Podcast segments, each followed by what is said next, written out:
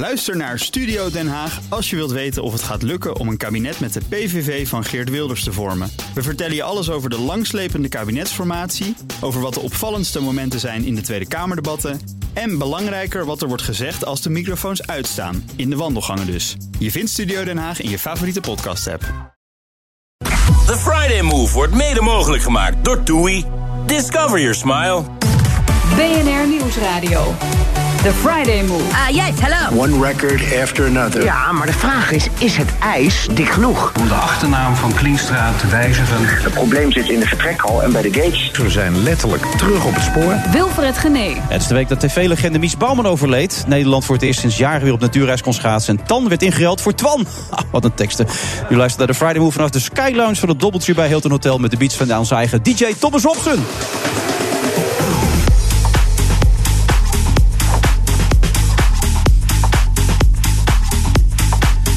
Ze stopte eind juni vorig jaar alweer als weervrouw van RTL... maar het weer en het klimaat blijven onveranderd, onverminderd haar warme interesse houden. En tot half zeven is dan ook mijn uh, co-host van vandaag, Helga van Leur.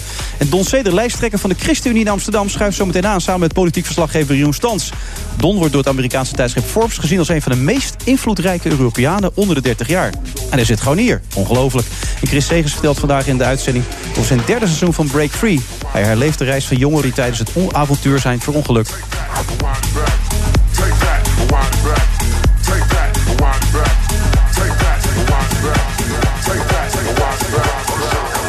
Dat allemaal vanuit uh, de Sky Lounge van de Doubletree bij Hilton Hotel in Amsterdam. Het is toch wel weer vertrouwd, dat gevoel gelijk van DJ Thomas Robson. Vorige week hadden we Joris S. Moet je altijd even weer aan elkaar wennen natuurlijk met z'n allen. Vandaag helaas de eindredactrice en de producer die bij. Dit wordt natuurlijk wel even een hele andere uitzending. Of juist niet.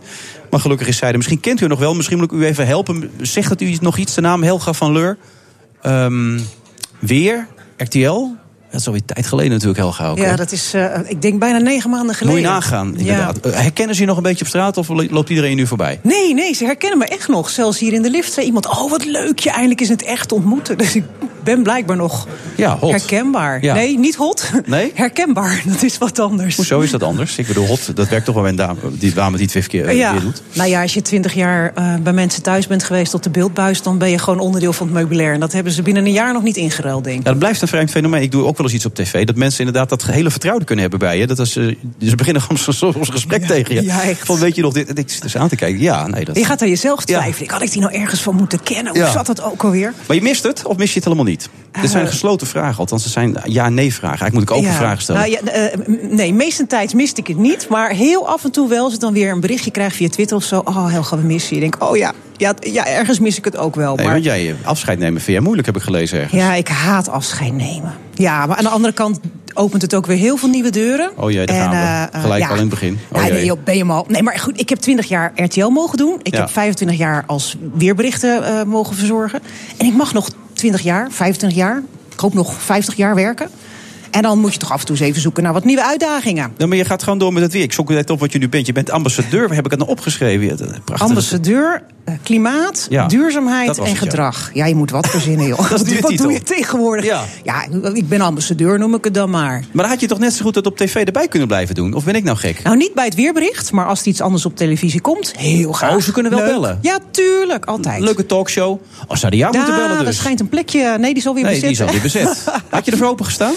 Nou, ik denk dat Twan dat vele malen beter kan dan Hoezo? ik. Nou ja, dan zou ik Eva als tegenhanger hebben. Daar kan je niet tegenop. Dan moet je weer een man aan de Dan andere ga je kant weer van de kracht van anderen uit. Je moet voor je eigen kracht nou ja, of je moet het een duo doen of zo. Maar ik, ik denk dat Twan veel meer bagage heeft dan ik. Inhoudelijk, zeg jij nu? Of bedoel je ook als mens? Of als, wat nou, als mens weet ik niet. Ik ken hem niet zo goed. Misschien moet ik een keer koffie gaan drinken en zo. Maar dat Nee, zou je maar- echt niet gekund hebben? Serieus? Nou, het is best zwaar hoor. Vijf dagen in de week. Ja. Eh, je moet echt zo'n show dragen. En dat deed Umberto natuurlijk fantastisch. Met zijn spontaniteit. En gewoon meedoen en dansen. En die blik in zijn gezicht. En ik, ja, ik, daar kan ik wel enorm van genieten. Eh, ik denk dat ik nou, nog te veel zou opletten. Wat zou iedereen denken? Ik, ik, nee, misschien ben ik er nog niet oud genoeg voor. Maar ik mag nog twintig jaar werken. Dus vraag het me over tien jaar nog een keer. Ja.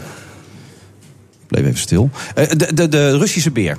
Het Oh. schijnt vrij uniek te zijn wat er nu gebeurt allemaal, hè? Nou, dat valt eigenlijk ook wel mee. Het is gewoon een Hollandse winter. En het is eh, een week, weekje maar. Lekker koud geweest. En de temperaturen waren niet eens heel schrikbarend. S'nachts een keer min 10. Min 10. Alleen die wind. Die wind maakt het voor het gevoel zo ontzettend koud.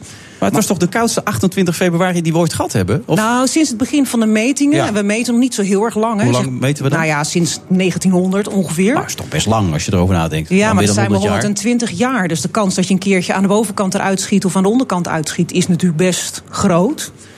En ja, weet je, een koude record kan nog steeds. Maar het is een dagrecord. Een dagrecord zegt op zich niet zo heel veel bijzonders. Dus al die mensen die een beetje overstuur raken van deze week, jij lacht daarom. Je zegt, nou, wat een onzin allemaal. Nou, ik ben blij dat het indruk op ze achterlaat. Maar ik ben blij dat we een keer gewoon een Hollandse winterweek hebben. Dat we weer even weten wat het is. Ja, het is nog dat wordt wel steeds eh, minder frequent. En dat is natuurlijk wel iets dat Nee, je maar jij, merkt. jij bent je afscheid volgens mij voor die 20 jaar die je voorspeld hebt gezegd Ja. dat we nog een Elfstedentocht gaan krijgen. Ja, maar die 20 jaar zijn nog niet voorbij. Nee, hè? dat ben ik met je eens. Maar hoe reëel is dat? Of was het gewoon om iedereen een beetje hoop te geven? De Piet nou, van deze wereld. De- In, in theorie, nee, in principe moet het gewoon kunnen. Binnen nu en 20 jaar moeten we nog een keer een Elfstedentocht kunnen krijgen. Ja. Alleen dan moet de kou wel vroeger vallen. Dan moet de kou gewoon ergens in, in, in januari vallen of begin februari. Nu is het eigenlijk te laat in het seizoen. En dat merk je, want de zon heeft gewoon zoveel meer kracht dat dat ijs op donkere oppervlaktes al heel snel wegsmelt. Dus Ja. je, hebt, je moet eerder het seizoen hebben... en je moet ook iets koudere aanloop hebben. Januari was eigenlijk te warm, december ook. Eh, dat, dat water moet nog goed doorgemengd zijn met koudere lucht. En dan pas lukt het om echt iets aan te groeien aan ijs. En je moet geen wind hebben. Die wind maakt het natuurlijk ook, hoewel op 63 hebben ze volgens mij ook met een snijdend koude oostenwind Ja. gereden. Maar toen hadden we een hele koude winter met echt koude golven. En we hebben nu niet eens een koude golf gehad. Dus Wie won hem in 63? Ja, ja, puntje van mijn tong. Dat ja. weet, zeg Chris, jij maar. Chris Jij bent- Segers weet het daar volgens jij mij. bent de jij bent de Ik denk sportman. Reinier Paping, toch? Of niet, eh, Chris? Ja, toch? Dat was hem, hè? Reinier Paping, hè? Ja, dat was hem. Uit Ja, ik was Zwolle. er nog niet bij. Ja. nee, dat zal het dan geweest zijn. Nee, Henk Angenent heb ik wel in mijn hoofd, maar dat is volgens mij dan van 96. Dat was de laatste, volgens mij inderdaad. Ja. En daarvoor hadden we twee keer Evert van Bentum. Nou, kijk aan. Ja. ja. Ja. Maar ik vind het wel intrigerend zoals jij over dat weer... Ik moet wel zeggen, ik, ik word dan ook wel eens door mensen over voetbal aangesproken... en zeggen, ja, hoe kan het nou dat Ajax zo'n slechte rechtsback heeft... zo'n slechte linksback? En zo nu dan denk ik wel eens van, ja... Geen idee. Ja, interesseert me dat even geen hol nu op dit moment. Ik ben met mijn kinderen aan het spelen, weet je wel. Maar jij gaat Ja. er nog steeds vol in als het over het weer gaat. Nou ja, ik vind het wel leuk als mensen interesse hebben. En ik, ik wil het ze ook laten begrijpen. Hè? Net zo'n opwarmend klimaat. Dan zeggen ze, ja, maar met het koude zie je wel, er is helemaal niks van de hand. Zeg, ja, maar als het een keer heel heet is, zegt dat ook niks over een opwarmend klimaat. Dus ik, ik probeer mensen daar wel, als ze er interesse in hebben, probeer ik het zo ook uit te leggen. Ja, want als ambassadeur ben je nu werkzaam op allerlei gebieden. Je geeft coaching, je geeft presentatielessen. Je bent heel allround dus. Ja, het, het vooral heel veel lezingen en dagvoorzitterschappen eh, bij congres die gaan over klimaat, duurzaamheid of gedrag. En je ziet ook, er is een soort omwenteling gaande. De overheid is natuurlijk ook heel erg mee bezig. Die moet bepaalde doelstellingen gaan halen. Bedrijfsleven moet mee, alle gemeentes moeten mee. Dus er is ook heel veel belangstelling van hoe kunnen we dat dan doen? Ja. En als wij dat dan willen, hoe gaan we de burgers meekrijgen? Eh, je kunt zelf andere keuzes maken in de supermarkt. Maar ja, je kijkt dan toch naar die prijs. Dus moet je dan in het assortiment niet iets gaan veranderen... dat het vanzelfsprekend gaat worden. Dus er is zoveel in te ontdekken. Motivatie is macht, lees ik wel eens ergens bij jou op een site. Ik heb die lijstsite van jou gewoon zitten bekijken. Hoor. Maar Ja, kennis is kracht en Ja. motivatie is macht. Ja, dus je zegt heel veel mensen weten het wel, weten ook wat je moet doen, maar ze handelen nog heel vaak niet naar. En daar helpt jij ze bij. Niet. Ja, ik probeer ze te laten inzien wat hun eigen motivatie is. Want ik kan wel zeggen, je moet, maar dat werkt niet. Dan ga ik ook opstandig worden. Ja. Maar ik kan wel proberen te achterhalen. Wat vind jij nou ontzettend leuk? Je maakt ze bewust. Wat drijft dat jou? is wat je doet eigenlijk, bewust maken. Ja. Ja. nou ja, ja, want als jij weet wat jij ontzettend leuk vindt om te doen... dan is het natuurlijk veel makkelijker om dat op te volgen. En, maar je moet je wel even bewust zijn. Ik wil ook zoveel, maar dat, ik, ik wil elke dag gaan sporten. Nou, ik zit elke dag braaf in mijn sportkleren, maar ik ga toch niet. En waarom ga ik dan niet? Waarom, Nou? waarom is die drive er dan Waarom niet? ga je niet dan, Nou, het is te koud buiten. Ja, maar er is ook een sportschool waar je naar binnen kan. Ja, dat klopt. Maar dan moet ik me eerst weer moeite nemen. Ik moet gewoon een afspraak maken met een trainer en dan ga ik. En dat weet ik, van vind mezelf. het heel gezegd onbegrijpelijk, Helge, dat jij in een tijd als deze nog geen programma hebt gekregen. Want dat gaan we bij deze gewoon een beetje promoten. Na deze uitzendingen heeft er een programmadirecteur gebeld voor Helga Valeur voor een nieuwe show. Nou, het lijkt me Wat het hartstikke... ook is. Ah, nou, nee, niet wat, als er maar Nee? geen weerbericht te maken is. Want dat is, dat is misschien wel gewoon goed afgerond. Ja, daar ben je klaar mee. Ja. Maar elk ander programma, erotiek, sport, entertainment, het kan. Ja, maar erotiek en weer ligt ook weer zo dicht bij elkaar. Oh. Laten we het vooral over klimaat, duurzaamheid en gedrag. Populair wetenschappelijk, dat lijkt me hartstikke leuk. Eh, nou, la- laten we gewoon koffie gaan drinken. We zien het wel. Ja. Ja. Je bedoelt met die programmadirecteur dan? Jij mag er ook bij zijn. Ik mag er ook bij zijn. Ja, is geen probleem. Oké, nou dan ga ik even mee. Dat van het erotiek en het weer, daar komen we nog even op terug. Tot zo.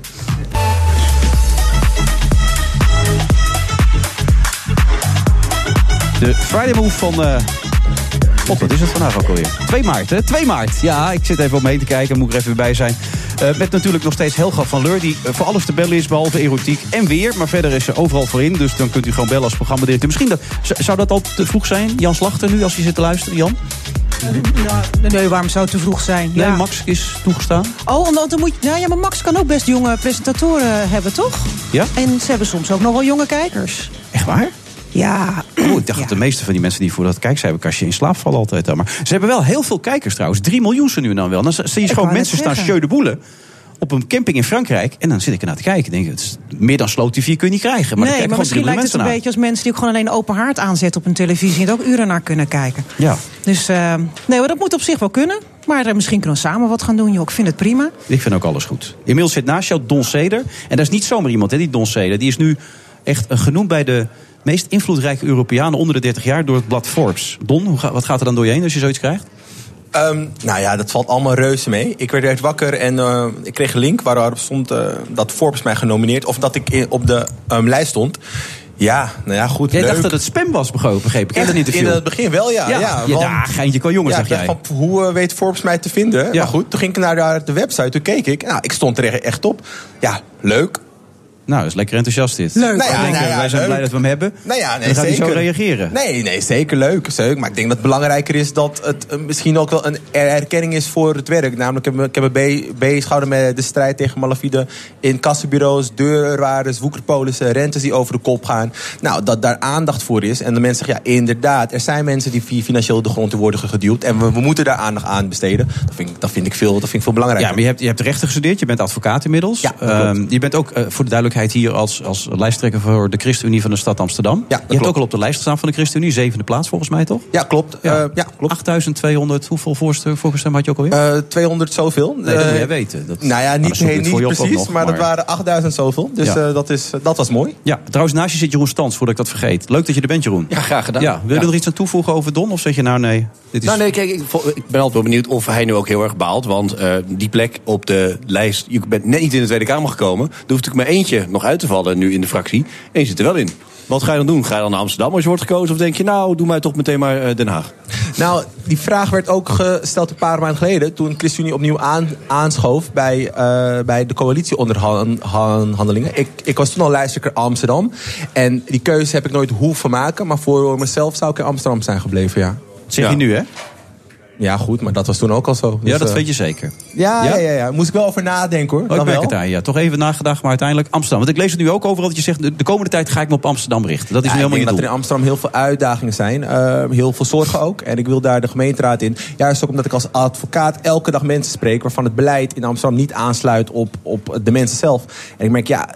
Ik heb het gevoel dat ik een beetje aan het dweilen ben met de kraan open. Mensen die komen naar mij toe vanwege pro problemen. En ik help ze één op één op één. Maar het echte probleem vaak is beleid wat niet aansluit op de, de maatschappij. Dus ik heb meer een gevoel van nu wil ik daar ook aan de beleidstafel zitten. En meepraten en mee beslissen. Aan Ja. de hand van de ervaringen die ik gewoon dagelijks Nou, opdoe. dan las ik wat een en ander voor jou. En, en hoe heette die VVD-gemeenteraadslid ook alweer... waar we laatst in Ahoy mee zaten te praten? Weet je dat nog of niet? Eh, ja, nee, van de... Van de eh, Juist, waar- die. In Rotterdam. Ja, die bedoel ik, ja. Ja, nee, eh, Ja, die. Vincent Karremans bedoel Dat je? was ja, hem inderdaad, ja. sorry. en die zei namelijk, het moet uit de mensen zelf komen. Het moet niet uit eh, ja, het je gemeentehuis maar- heb komen. maar van die tegeltjeswijsheden Daar heb ik een paar van die opgeschreven. te- maar, en, wat lees ik nou? Ik zit de teksten van Don te lezen. Die zegt, het moet niet langer uit het stadhuis komen. Het moet van de mensen zelf komen. Da- Nou ja, VVD. Nou, nu is het duidelijk waar hij ChristenUnie. vandaan heeft. Ja. Weet je? Nee. Ja, maar ik denk inderdaad dat we eh, te veel eh, leunen op de po- po- po- politiek. Te veel leunen op de gemeenteraad.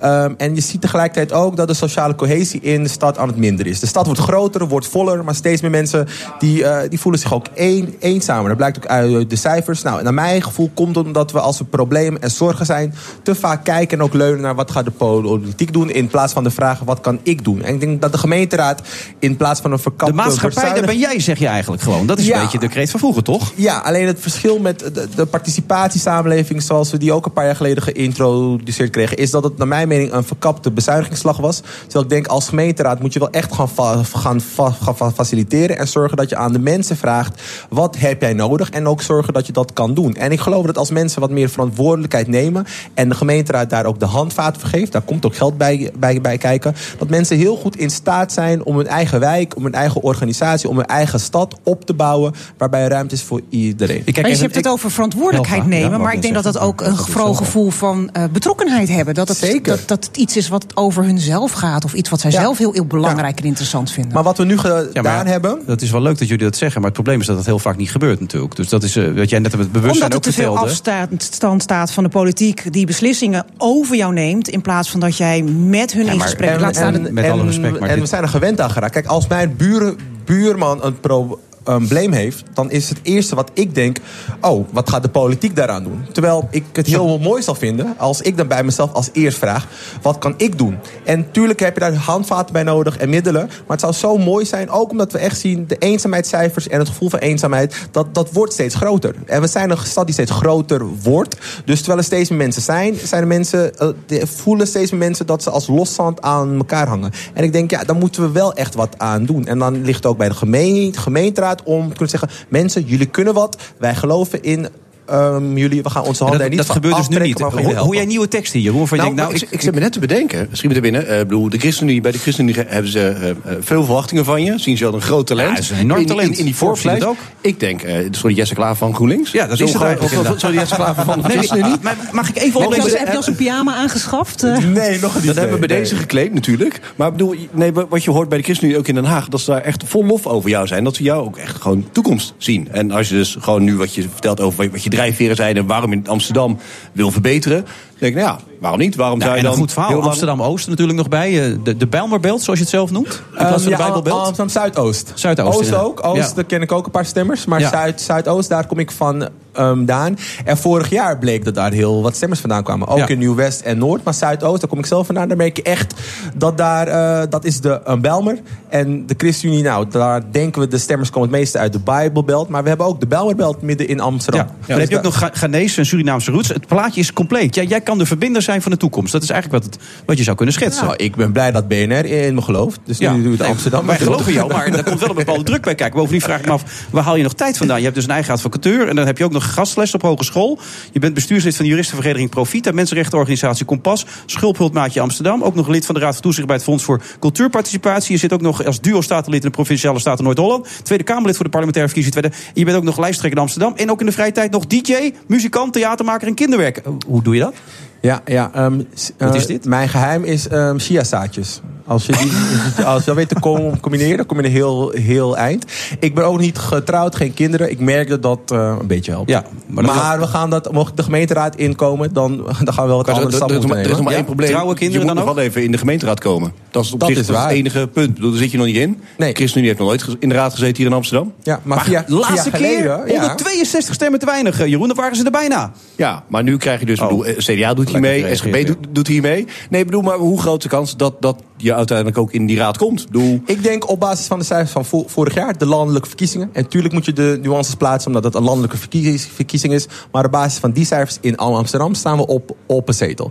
Dat, be- dat betekent niet dat we er zijn, maar dat betekent wel dat, als, eh, dat, ik, dat ik erin geloof dat als we de komende weken keihard aan het flyeren zijn, niet alleen in Zuidoost, maar in heel Amsterdam. En De West en- verwacht je ook veel van, toch? ja, West. zeker. Ja. Naast Zuidoost was Nieuw-West was dat de tweede wijk...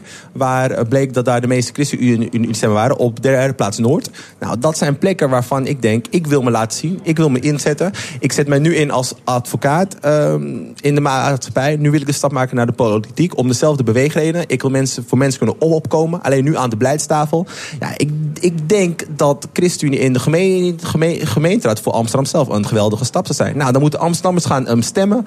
Eh, ik heb er ook vertrouwen in. Ook na, ook na de ehm, steun van, van Wilfred net. Die zei dat dat gaat lukken. Ja, ik wil Dus, er iets eh, bij zeggen trouwens nog wel. Want ik vind namelijk, ik, zeg, ik heb enorm veel vertrouwen in jou. maar ik, vind nog te weinig onderscheidende teksten, Don. Er moet, er moet iets meer uit vlammen nog. er Nou ja. moet iets meer komen wat het nog onderscheidender maakt. Want ik bedoel, je roept allemaal dingen waarvan ik denk... dat zou ik als bij een andere politieke partij zit ook gewoon geroepen hebben namelijk. Nou, ik mis het feit, eh, het verbindende, eh, mis ik wel echt bij de politieke partijen. PvdA doet er niks aan. Die zegt, ja, we moeten meer gaan verbinden. Dus we moeten meer macht aan de gemeenteraad geven. En die moet meer initiatieven gaan doen. En ik zeg, ik geloof dat we meer moeten doen op sociaal vlak. Ik geloof dat we meer moeten doen voor de allerkwetsbaarsten. Maar ik geloof niet dat eh, het vergroten van de gemeenteraad daar de oplossing is. Ik geloof dat de gemeenschap zelf de oplossing is. En wat je, wat je merkt bij heel veel eh, par- partijen die op de sociale thema zitten...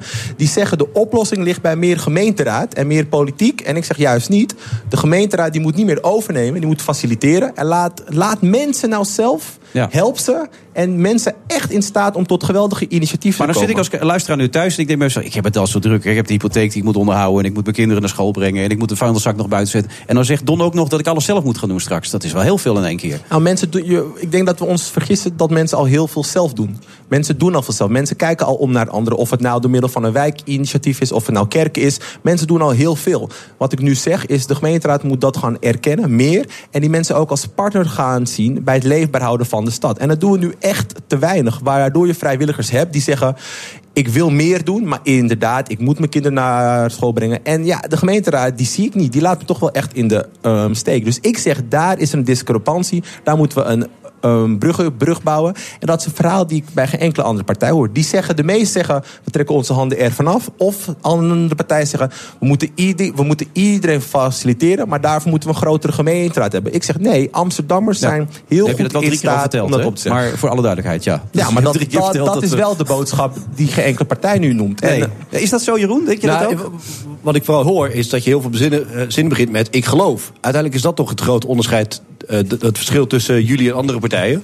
Het geloof. Ja, zeker. Ik geloof dat als de ChristenUnie, dat is een mensbeeld. eh, eh, wij zien in de samenleving vanuit een, vanuit een christelijke vi- visie. Nou, dat is naastenliefde, dat is eh, voor elkaar opkomen. Dat is eh, geen dictatuur van de meerderheid, maar ook voor mensen op, opkomen die getalsmatig of, of qua capaciteit minder voor zichzelf kunnen op, opkomen. Maar is daar genoeg, is daar genoeg ruimte dat voor in Amsterdam? We hadden eh, een paar weken geleden ook de lijsttrekker van de SGP hier aan tafel. En dan zit je toch een beetje in de stad, eh, eh, pardon voor taalgebruik. Ook maar nog zo jong trouwens, Van, hè? van- ja, van, wel Ja. van God los, deze stad. Ik bedoel, dit is toch altijd het, het stempel Nou bij. Amsterdam. Dus is daar eh, met het CDA en de ChristenUnie en de SGP dan voldoende ruimte voor... om alle drie die partijen in de gemeenteraad te krijgen? Ja, ik zie dat christelijke po- politiek in Amsterdam aan het groeien is. En de ChristenUnie de afgelopen jaren zit daar alleen maar een, een stijging in. Er zit een stijging in het aan- aantal stemmen. Tot voor, vorig jaar de landelijke verkiezingen. Waarbij we virtueel op een zetel staan. Volgens mij zijn wij die stijgende lijn gewoon aan het doortrekken. En dat laat juist zien dat er behoefte is aan christelijke politiek. En dat er juist een vacuüm was. En, en ik hoop die vanaf 21 maart te kunnen vervullen. En als je een oproep zou mogen doen aan de niet-christelijke kiezers... waarom zouden ze op jou moeten gaan stemmen? Nou, ik zou tegen iedereen die luistert in Amsterdam zeggen... eh, stem op de ChristenUnie, stem voornamelijk ook op Don Seder. Omdat ik iemand ben die in de praktijk de afgelopen jaren heb laten zien... eh, op te willen komen voor Amsterdammers. Dat wil ik nog ehm, steeds doen. Maar nu wil ik het niet achteraf doen, maar aan de beleidstafel. En met uw steun kunnen we dat ook doen. En zorgen voor een eerlijke en ehm, rechtvaardige stad... waarin ieder tot zijn volledige recht komt. Nou, je hebt het wel goed ingestudeerd, dat is prima. je moet zit er ook- lekker in, man. wel, hè? Goed. Hey, en als je het nou wel wordt, hè, de meest invloedrijke, kom- komt dat nog bekendgemaakt of niet? Of, of hoe werkt dat nou? Of ben je gewoon een van de meest invloedrijke? Ja, dat, dat is de lijst. Er zijn Het. 30, ik Oké, val dat eronder. is- Nou, dat is oké. leuk, dat is mooi. Ja, nou leuk. Je dat- bent heel erg blij met je wel. Ja. Je bent er helemaal blij met. Merk ik. Nou ja, goed. eh, eh, ik, zou, ik, ik zou nog blijer zijn als, als dit ook eh, zich, zich vertaalt naar een gemeenteraadzetel. Ja, maar na deze uitzending doen hoef jij er geen zorgen over te maken. Dat eh, geloof ik ja, ook. absoluut. Miljoenen luisteraars. Dankjewel, dat Ja, is mooi. Succes.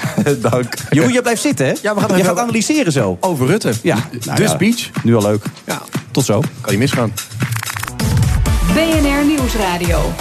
The Friday Move. Ik ga stoppen met RTL Late Night. Ja, maar de vraag is, is het ijs dik genoeg? One record after another. Nou, je moet minimaal 3 centimeter hebben. Ze zeggen, we zijn jaloers op Nederland. Wilfred Genee. Ruud Hendricks, Bas Robben en Peter Brussen schuiven zo meteen nog aan in deze uitzending van de Friday Move. En, en zij blijft tot half zeven zitten, daar gaan we althans vanuit. Als het ijs sterk genoeg is, Helga van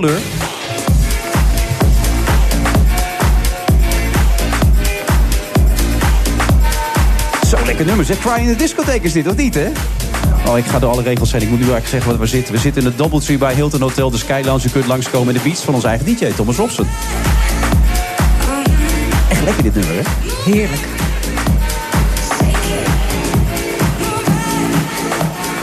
Ook wel eens mensen die zeggen tegen mij... leuk programma, ik word zo zenuwachtig van die muziek. Maar heb ik helemaal niet eigenlijk. Heb jij dat wel? Nee, eigenlijk ook niet. Maar ik geniet intussen van een prachtige uitzicht achter jou. Zo in het zonnetje, zo uitkijkend op de stad Amsterdam. Ja, prachtige stad, maar helemaal van God los hoor ik net van Jeroen Stans. Dat is dan weer jammer. Nou, of niet. Ja. Leuk toch? Moet kunnen. Wat heb jij gestemd de laatste keer eigenlijk? Geen idee. Nee, laat ik me niet over uit. Nee, ja, we hebben binnen, binnen ons huwelijk hebben we ook nog eh, twee verschillende stemmers. Ja, Bert, Bert stemt anders dan jij? Ja, die stemt anders dan ik. En wat zijn Ja. drie kinderen nu dan? Eh, de oudste is eh, 16, eh, de tweede is 14 en het meisje is eh, 12. Oké, dus die van 16 heeft over twee jaar, of over een paar jaar... want we hebben pas weer Ja. over een aantal jaar verkiezingen. We nemen ze ook wel altijd mee hoor. Want ik heb zoiets, mijn ouders hebben altijd gezegd: je hebt het recht om te stemmen hier in Nederland. Daar moet je gebruik van maken. Ook ben je niet met dingen eens. Een blanco stem is geen stem. Nee. Dus gaan. En speelt het geloof nog een rol daarin? Nee, ik ben wel eh, katholiek opgevoed. Maar mijn moeder zei al heel snel: Ik vind het zo onterecht dat als je een ander geloof hebt. dat je daardoor een ander mens of een minder mens zou zijn. Mhm. Wat een onzin. Als kind kun je ook niet kiezen of je in een moslimgezin geboren wordt. of een katholiek gezin. Of... Dus als je iets wil doen qua geloof, vindt mijn moeder, en dat, daar geloof ik ook wel in. het komt zelf van binnenuit. Dat je voor elkaar wilt zorgen. En ik denk dat de maatschappij ook best wel aan het veranderen is. Vroeger was de kerkelijke gemeenschap natuurlijk het enige houvast. Ja. Tegenwoordig heb je heel veel alternatieven. En je ziet juist dat je steeds meer keus krijgt. Dat mensen juist weer behoefte gaan krijgen aan versimpeling. En dan weer teruggrijpen naar een stukje. Een spiritueel programma, ik zie dat ook wel gebeuren. Een spiritueel Ach joh, programma. ja, ja. met Zo Helga Jomanda van jurk Leur. erbij Ja. aan. Ja, ja. Hier is Dat blauw staat me Ja. wel, maar Jomanda. Maar Jeroen, ondertussen jij wil het hebben over een speech. Hè? Een speech van onze eigen Ja, maar Mark Rutte, eh, die in Berlijn een speech hield. Daar is toch lang naar uitgekeken van... komt hij dan met een, eh, met, met een Europees verhaal, met een visie? Hij heeft ook altijd gezegd... eh, visie, dan moet je naar de oogarts. Ik vind zelf zijn uitspraak... een visie is als een olifant die het zicht belemmert. Misschien wel de mooiste. Mocht je nog een tegeltjeswijsheid zoeken. Ik schrijf hem voor je Olif- op. Ja. Visie is als een olifant die het zicht belemmert. Dat was zeg maar Mark Rutte in een notendop. pen. maar dan ging hij dus naar Berlijn. Eh, niet geheel toevallig dat hij daar dan een speech houdt. Want eh, de, de Duitse coalitie die is nu bijna rond. Dat moet dit weekend rondkomen. En dan ja, wil hij toch duidelijk laten zien wat nou het Nederlandse standpunt is. En hij kwam dus met, met een lijst met negen voorstellen. Dus jou, je zou kunnen zeggen, ja, daar zit wel iets van, van een visie in. Ja, hij met, met daar schrok hij zelf van waarschijnlijk ook, of niet? Nou, hij heeft er goed over nagedacht. Want Ja. hier, dit, dit was helemaal uitgeschreven en uitgewerkt, lang naartoe gewerkt. eh, bij een Duitse eh, denktank waar hij dan eh, langs kwam. Ehm, en wat, ja, er viel nog een paar dingen op bij mij eigenlijk wel. Eh, Kunnen we ook wat horen of zeg je nou dat moeten we niet doen? nou, ja, dat kunnen we zeker wel doen. Want wat ik opvallend vond, wat hij, eh, hij blijft er maar op hameren. Bedoel, kijk, die negen punten die hij naar voren bracht... zijn dingen die wij in Nederland allemaal al vaker hebben gehoord van onze premier. Namelijk, eh, nee, je moet gewoon teruggaan naar die oorspronkelijke afspraken uit de EU. Dat moet zorgen, de EU moet zorgen voor meer welvaart voor ons allemaal. En dat moet niet betekenen dat je welvaart gaat herverdelen. Dat is iets heel anders. Ja. Je moet minder beloven en uiteindelijk gewoon veel meer doen. En eh, benadrukte hij vooral ook, kijk, die EU... dat is een beetje het, het, het, het schrikbeeld van Rutte... en ook van een eh, groot deel van de Nederlanders... is dat de EU zo'n voortdenderende trein is die nooit meer afremt. Ja, en die ons heel veel geld kost. Ja, en daar hoor je hem dan nu over, denk ik als het goed is. The European Union is not, in my view, an unstoppable train, speeding towards federalism. There always seems to be an element of the inevitable in the conversation about European cooperation. That we are heading for ever closer integration, and that the only real topic of debate is of how fast we should be going. Because they say the people of Europe have to be able to keep up. But I do not believe that we have been marching inevitably towards a federal system all along. Nor should that be our goal in the 21st century. En dan gaat het in Nederland natuurlijk eerst om, Ja. va- vaak de eerste vraag is... Gaat het over inhoud of, of, of, of gaat het over zijn uitspraak? Hoe lekker Nederlands. Ehm, maar het was een Engelstalige uit- eh, eh, toespraak. Omdat hij dus wil dat die hele boodschap gewoon aankomt bij de rest van de EU. Hij heeft natuurlijk Ja. wel een probleem dat dan een uur later...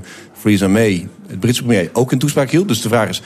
Heeft heel Europa opgelet wat Rutte zei? Maar dit was een, wel, wel zijn, zijn belangrijke boodschap. Dit vind ik. Ja. En hier moet het heen met Europa. Maar hoe staan wij op dit moment in Europa? Gaan we even een kind schetsen. Wordt Nou, is er een een be- beetje om gelachen als, hij, als, als onze premier daar gaat staan? of Qua, het qua, mee? qua standpunt wat Nederland zelf vindt... of als Rutte daar gaat staan en hoe, Nederland, hoe Europa naar Nou Rutte kijkt? Ja, hoe, serieus, hoe serieus worden wij genomen als, als onze premier dat roept? Nou, hij wordt er vrij serieus genomen. Ook omdat hij al eh, er vrij lang zit. Dat is ook zeven jaar eh, premier. Ja. Eh, we gaan al richting, richting jaar acht natuurlijk. Ehm, dus hij zit er al heel erg lang. En hij wordt natuurlijk ook vaak genoemd. Dat sluimert al een tijd lang rond. En het werd voor, ehm, voor eind vorig jaar ook door de website Politico... eh, de belangrijkste website in Brussel... werd hij naar voren geschoven als de belangrijkste opvolger van Donald Tusk, de, de EU-president. Daarvan heeft Rutte zelf meteen gezegd nee... Nou, niet meteen. Hij zei uiteindelijk: nee, ik ben niet beschikbaar voor Ja. die post. Tot ik bij de nonnen ben geweest om een Engels een beetje bij te schaven. Dat zou kunnen Zou natuurlijk. kunnen, maar ja, de, de, de stelregel is ook... als je eenmaal zegt, ik ben beschikbaar, dan ben je natuurlijk eh, dan ben je te klaar. Dan, dan Ja. ben je af. Dat mag je kunt niet nooit, doen, hè? Nee, je kunt nooit hardop Nee, zeggen, ik hard ben to get, beschikbaar. play. Play hard to get. Maar die post komt eind volgend jaar Dat is beschikbaar. voor jou, Helga. Niet, te- niet te gretig nu, hè? Gewoon rustig zeggen, nee, maar als het niet gebeurt, is het ook goed. Nee, dus als een Ja. tv-producent belt, Even meteen ja zeggen. Nee, Ja. ze heeft nu geen tijd. Ja, don't call us, we call you. ja. Nee, maar dat dus is wij staan er op zich wel redelijk serieus op. Dat is wat je zegt. Maar even dat andere. Nou, en- Vorige week vroeg ik het ook al aan je. Gaan wij nou die extra bijdrage, moeten we die nou betalen of niet? Nou, dat is wat Rutte natuurlijk eh, steeds benadrukt. Is nee, de Britten gaan eruit. Dat betekent dus niet dat eh, het EU-budget moet groeien. Nee, als er eentje uitgaat, moet het budget juist kleiner worden. Je moet ervoor zorgen dat je met minder geld meer kan doen. Dat is Ja. ook de boodschap die hij ook daar in die speech in, Bru- in, in Berlijn weer uitdroeg. The EU27 cannot fill the Brexit gap. And we can't face the 21st century with a budget that relies and reflects the realities of decades ago. Nou, waar- waarom dit nou interessant is, want hij zegt dit nu eh, meerdere keren... nee, het budget moet niet groter worden... is omdat eh, eh, Duitsland heeft nu bijna een nieuwe coalitie. In het regeerakkoord staat dat Duitsland bereid is om meer te gaan betalen aan Europa. En de Fransen willen ook graag vooruit en we staan ook voor een ruimer budget. Rutte gaat hier op de rem staan en wil ook met steun van een aantal andere Europese lidstaten. Zoals? Ehm, eh, nou, nou, denk bijvoorbeeld aan, aan wat conservatievere eh, landen. Want Oostenrijk heeft niet zo heel veel mee. Als Eh, Duitsland en willen- Frankrijk zeggen we gaan meer betalen, dan zijn we toch gewoon dat het is, een, dat is een beetje het punt waar Rutte dus ook voor vreest. En hij wordt dan wel gezien als zeg maar, grootste van de kleine landen. En als premier die al lang op die post zit, dus wel invloed heeft. Dat die een beetje kan remmen en kan sturen. Dat is ook zijn hoop. Maar de vraag is, wat is uiteindelijk dit waard? En daar hadden we het vorige week ook over. Want die begroting, de volgende begroting waar het nu over gaat... van de EU, gaat in op 1 januari 2021. Oh ja, dat is vlak voor die verkiezingen, hè? waar je en het in het, in het slechtste geval, ja, als dit kabinet het haalt, Ja. ehm, eh, dan heb je 2,5 maand later dus Tweede Kamerverkiezingen. En in het slechtste geval voor Rutte heb je dus een begroting die en groter wordt. En dat Nederland ehm, eh, het miljard korting kwijtraakt. En dat dan 2,5 maand voor de verkiezingen. Nou, succes VVD. Ja. Ehm, maar hij staat natuurlijk als premier. Maar dit is wel waar heel veel partijen in Nederland van zeggen... nou, even een beetje, beetje op de rem trappen. Hè. Wat- niet... Als VVD'er, wat vind jij van hem, Helga? Als VVD'er? Ja. was een heel slim Hoe hij het als van, eh, VVD'er doet, bedoel je? Heel slim trucje van Wilfred. Hoe Vaak leer. Ja, ik denk, eh, denk eh, goed. eh, ja, nee, Nee, ja. wat vind je van onze premier? Ik, eh, van we nee, ik, mag hem wel. Eh, niet zozeer of nou bepaalde politieke ideeën me aanstaan of zo. Maar ik vind hem wel wat uitstralen. Hij, hij straalt een stukje kracht uit. Hij Geen heeft een stukje hier. zelfverzekerheid. Een stukje... Ja, ik vind het wel goed. En ik ben natuurlijk hartstikke blij dat ze nu met dat klimaat en de energie aan de slag gaan en was zo. voor mij dit trouwens. Dat ik niet eens over... Nou, het natuurlijk GroenLinks, hè, dat met het klimaat en de... Ja, natuurlijk, hè. Nou, klimaat, voor en mij. Klimaat was- is heel was economisch, wist je dat? GroenLinks. Ja, en klimaat was een van Ja. zijn belangrijke punten. Dat hij zei, nee, moet veel ambitieuzer allemaal. Ja, Al die doelstellingen qua, qua, qua CO2-uitstoot... wat er afgesproken in dat klimaatakkoord in Parijs... moet veel Maar heeft hij wel een visionair punt. Want uit de nieuwste berekeningen, heb ik gehoord, blijkt dat de berekeningen waarop dit gebaseerd is, wat we nu gaan doen, eigenlijk te zwak zijn. Dus als wij niet meer dan 2 graden willen opwarmen, het liefst anderhalf, maar we houden 2 graden aan, dan moeten we nog veel strenger zijn Ja, dan dat we kan- tot nu toe gedacht Maar hebben. hij kan dit dan weer zeggen, omdat de Duitsers er ook wel van voelen. Gewoon van die strengere eisen daar. Dus Ja, maar we moeten ook gewoon doorpakken. En het is gewoon een economisch model. We kunnen er waanzinnig veel aan verdienen. Het creëert heel veel nieuwe jobs. En op het moment dat we de milieubelasting, luchtvervuiling, eh, eh, verkeerde, duurzame, hè, dat je het milieu belast. Als we dat gewoon equal playing field gaan maken, dan. Dan wordt het zomaar veel makkelijker om te doen. En je moet gewoon nu doorhalen. En dat moet je wel met Europa doen. Want je kunt niet als Nederland het beste jongetje van de klas zijn. En zeggen, joh, maar wij gaan belasting heffen op slechte spullen. Nee, maar dat moet je met elkaar doen. ja, maar als je het hebt over uh, eraan verdienen en banen... dan heb je natuurlijk de onverdeelde aandacht van de VVD. nou, dat, scheelt bedoel ik. natuurlijk wel. Ja, dus ik heb wel VVD-trekjes. En dit wel, kabinet zegt ook, wij zijn het groenste kabinet ooit. Nou, dat moeten ze uiteindelijk maar gewoon bewijzen. Denk Ja, ik ook. maar dan hoop ik wel de dat ze rit kunnen uitzitten. We gaan het gewoon wel betalen straks. Als Duitsland en Frankrijk het gaan doen, dan zijn we gewoon het haasje. Ondanks Uit die Oostenrijk is- en al die zuidelijke landen, die kunnen het natuurlijk ook helemaal niet eens betalen waarschijnlijk. Maar die willen Ja, het daar ook was niet. Rutte dus nogal weer streng voor. Hij zei, Oh. nee, als er, als er financiële problemen zijn in het land... dan moet je dat eerst zelf oplossen. Ja. Hij heeft niet in deze, met deze speech alleen maar vrienden gemaakt. Ehm, hij laat natuurlijk wel het geluid horen van- vanuit zijn liberale hart. En er zijn wel meer liberale premiers in, in, in Europa. Ehm, dus hij maakt niet met iedereen vrienden. Maar hij was daar wel duidelijk van... nee jongens, eh, als er problemen zijn, zelf oplossen. Je kan je buurman helpen, maar dat betekent niet dat de EU direct moet Ik stond bijspringen. trouwens van de week hier onder de douche. Dat doe ik wel eens vaker. Niet te lang, maar dat is niet goed voor het klimaat. Toen dacht ik opeens, hoe zit het nou met die Grieken eigenlijk? Want nou, op een gegeven moment, elke uitzending hadden we het over de Grieken. Dat ze weer geld erbij moesten hebben. Dat ze overal de spullen voor nodig hebben. Failliet. En hoe is dat nou met die Grieken Nou, ik, ik, het enige wat ik daar nu volgens mij ehm, eh, direct van weet... is dat eh, volgende week, ik zat net even de agenda te kijken voor volgende week... Tweede Kamer, is dat de Tweede Kamer er dan over spreekt. Oh. Over hoe het er zit met het steunprogramma aan de Ja, Grieken. dat zit ik nou echt af te vragen. Ja. Op een gegeven moment dachten we... Het is het is een beetje van de radar verdwenen dat natuurlijk. Ja, maar er waren meer landen toch die steun kregen? Ierland geloof Ja, ik. Portugal en, eh, Portugal. Ierland, Portugal, Spanje. En daar was Rutte dan wel weer heel trots op. Hij zei, want alle landen die hard hebben ingegrepen... ten tijde van de crisis hebben hervormd. Komt u weer, hervormingen, VVD. Daar gaat het nu eh, eh, economisch eh, steeds beter mee. Dus eh, ja, hoe... Ja, maar de Grieken op een gegeven moment, die konden nergens meer pinnen, die konden geen eten meer halen. Het was verschrikkelijk. Dus Ja. dachten we, dat is eindoefening. Maar Nee. hoorde laatst tijd heel weinig over. heel weinig meer over. Nee. Ja. Nou, mensen die willen mee zitten te luisteren, je mag belden natuurlijk naar deze uitzending. Ook als producent van een tv-programma. Jeroen, dit was hem, hè? Volgens mij wel, ja. Velgen van Leur, dan kunt u ook bellen. Hartstikke goed, Jeroen, dank. Maar En- niet meteen reageren, dus als er nu wordt gebeld. Heb ik net Nee, geleerd. dat hebben we net afgesproken. Hard play, hard to get. Nou, uiteindelijk wordt hij dan wel de opvolger van Tusk, denk jij? Ehm, het ligt er een beetje aan wanneer die, wanneer die vacature echt komt. Want als hij het nu zegt, dan presenteert een aantal, aantal eh, andere partijen natuurlijk een, een overwinnings... eh, op, op, op, ja, op, op een, een, op een dienblaadje. Bedoel, hij- dan, dan speelt alle partijen in dan de er kaart. niet meer uit opeens. Nee, Nee. nee, ja. Ja, maar je begrijpt wat je bedoelt. Dat Ja. moet hij niet doen. Dit, dit, was niet, dit, was, dit was niet de beste zin die ik had willen uitspreken eigenlijk. Ten einde, nee, heel goed. Bedankt, Jeroen. tot later.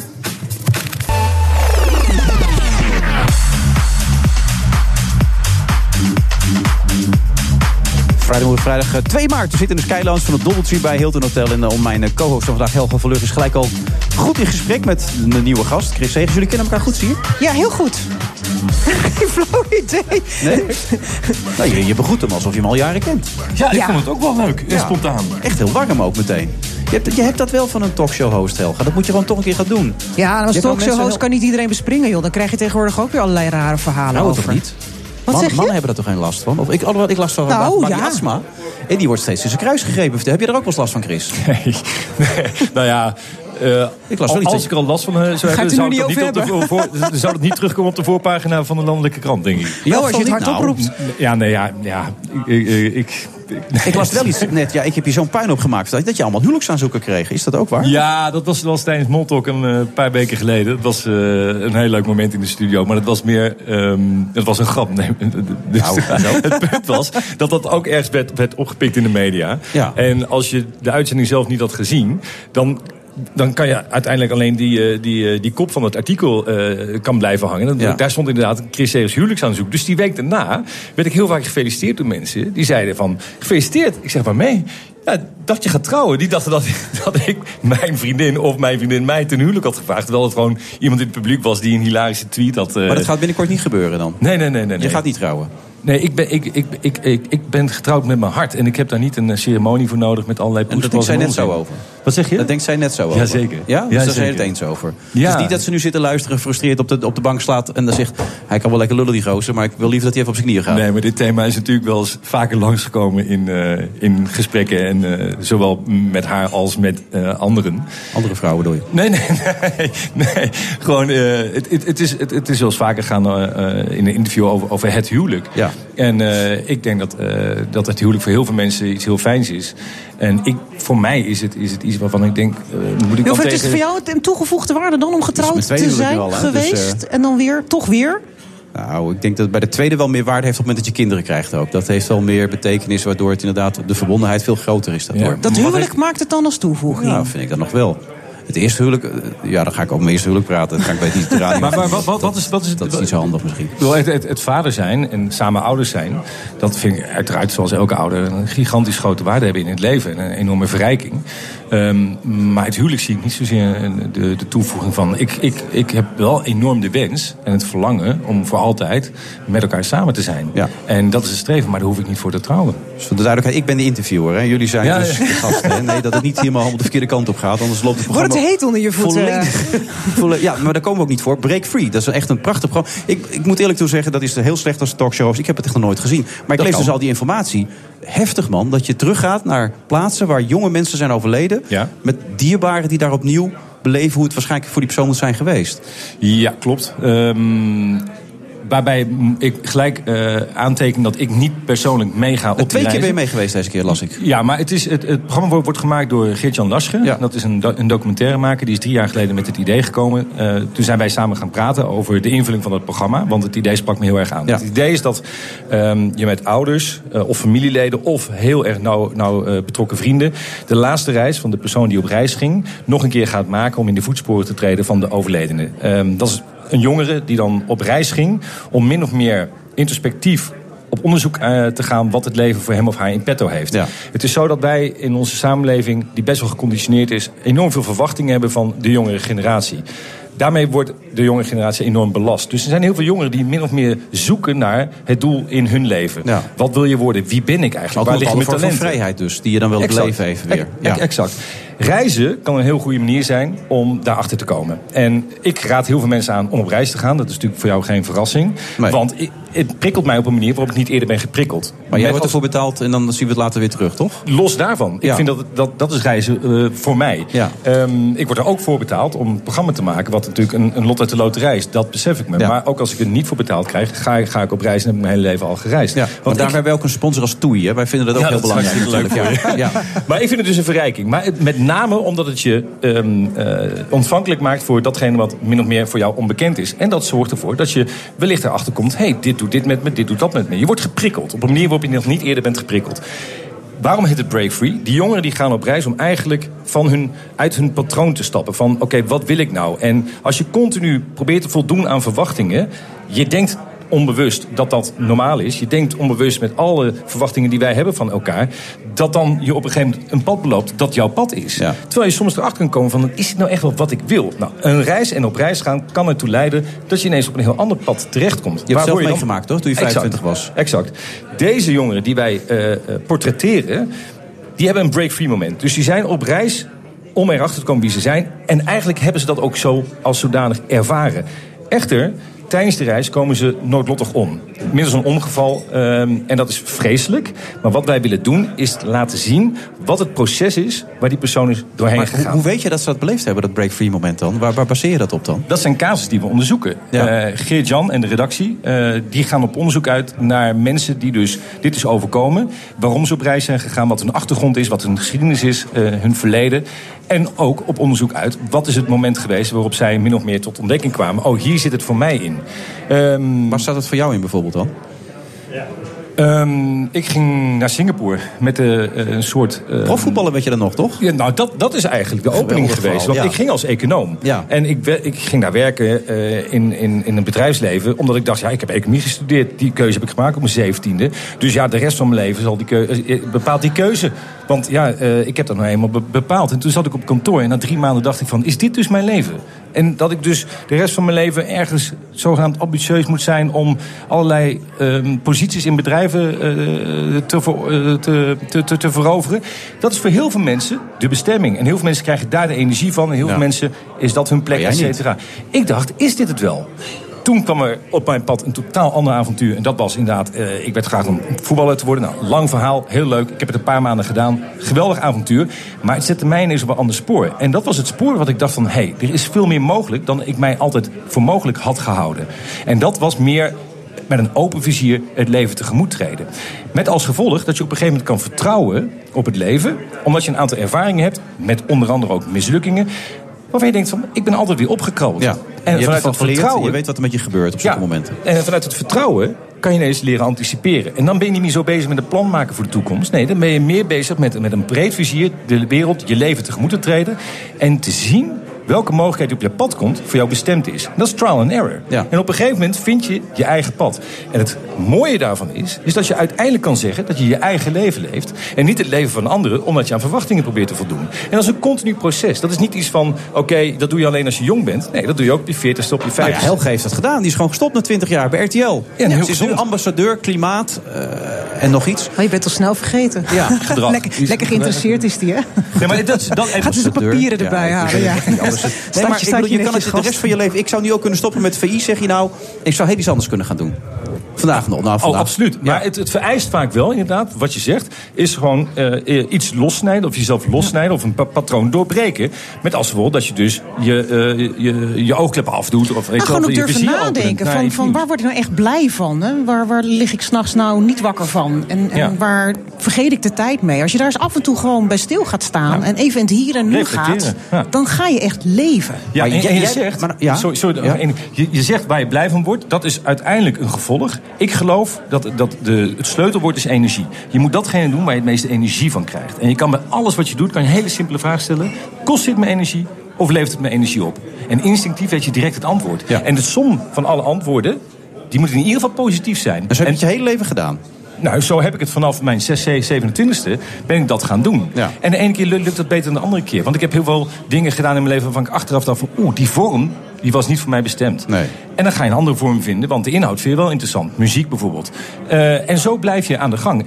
Wat bij mij de meest eh, grote constante is, is natuurlijk het reizen. En ik maak 18 jaar nu reisprogramma's en dat is een hele duidelijke constante. Maar daarnaast is er ontzettend veel gebied om te ontwikkelen. Maar dan heb jij het overleefd. Deze kinderen, deze jonge mensen, hebben, het zijn geen kinderen meer. Het zijn jonge volwassenen. ja. Ja.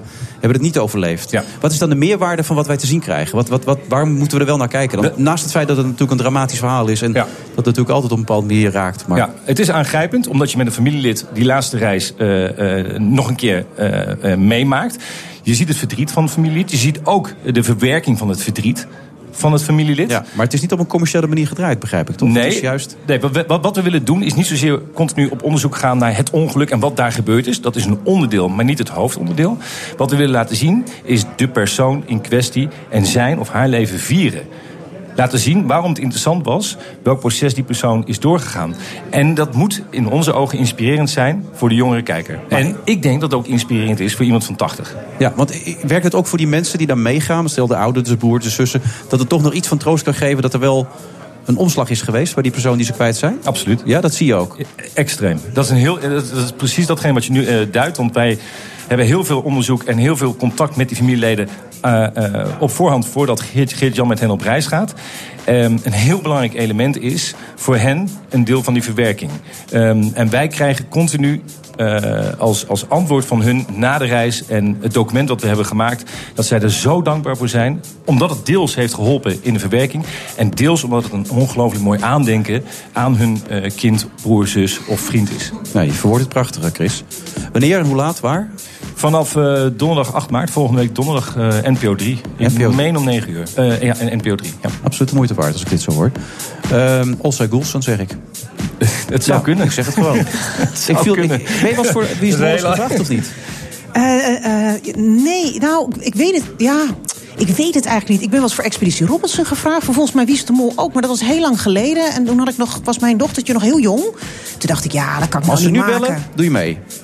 Ja, misschien wel. Ja, dit is een ja. Ik hoor een ja. Ja, nou, ik- ja ik weet niet of het tegen al die intriges en zo zou kunnen. Oh, dat is fantastisch. Ja, maar iedereen is altijd zo laaiend enthousiast. Ik denk, ja, misschien ook wel. Maar ik zou ook zo achterdochtig worden bij alles wat er gebeurt. Ja, maar dat, dat, dat, dat moet je ook zijn. En zo'n fantastische mol als die we nu hebben, dat zou ik natuurlijk nooit kunnen. Weet je, iemand die gewoon vol het spel ingaat en... Wat een briljante actie van die Jan om gewoon het water in te Jongens, duiken. Niemand is meer met het hele spel bezig. dat is toch een het molle actie? Dat zou kunnen. Ik heb maar een kwartier gekeken. Ik dacht, ik op gewoon Olsa Goulson, dat maakt het uit. Ik Hij denk echt- solliciteert ook graag. Misschien wel ook een keertje meedoen. Gaan wij samen een keer Nee, ik heb meedoen? en keer dan... geweigerd. Ik heb, vind het Oh man, het is Ja, maar leuk. wat je in het verleden geweigerd hebt... wil niet zeggen dat het in de toekomst niet een pad is... die misschien keer ook was een keer twee, moet laatste keer was twee weken geleden, dus dat is een beetje lastig. Ehm, bedankt, eh, Chris. En eh, tot de Jullie ook. volgende keer. Dag. BNR Nieuwsradio. The Friday Move. Ah, yes, hallo. One record after another. Ja, maar de vraag is, is het ijs dik genoeg? Om de achternaam van Klienstra te wijzigen. Het probleem zit in de vertrekhal en bij de gates. We zijn letterlijk terug op het spoor. Wilfred Genee. Vanuit de Skylands van het Doubletree bij Hilton Hotel in Amsterdam.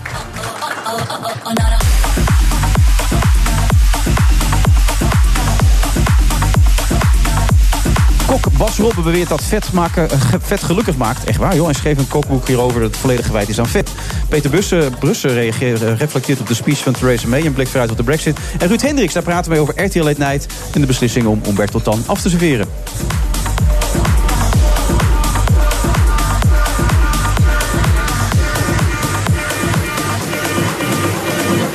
En naast me nog steeds Helga van Leur... die meer ambities heeft dan alleen ambassadeur zijn...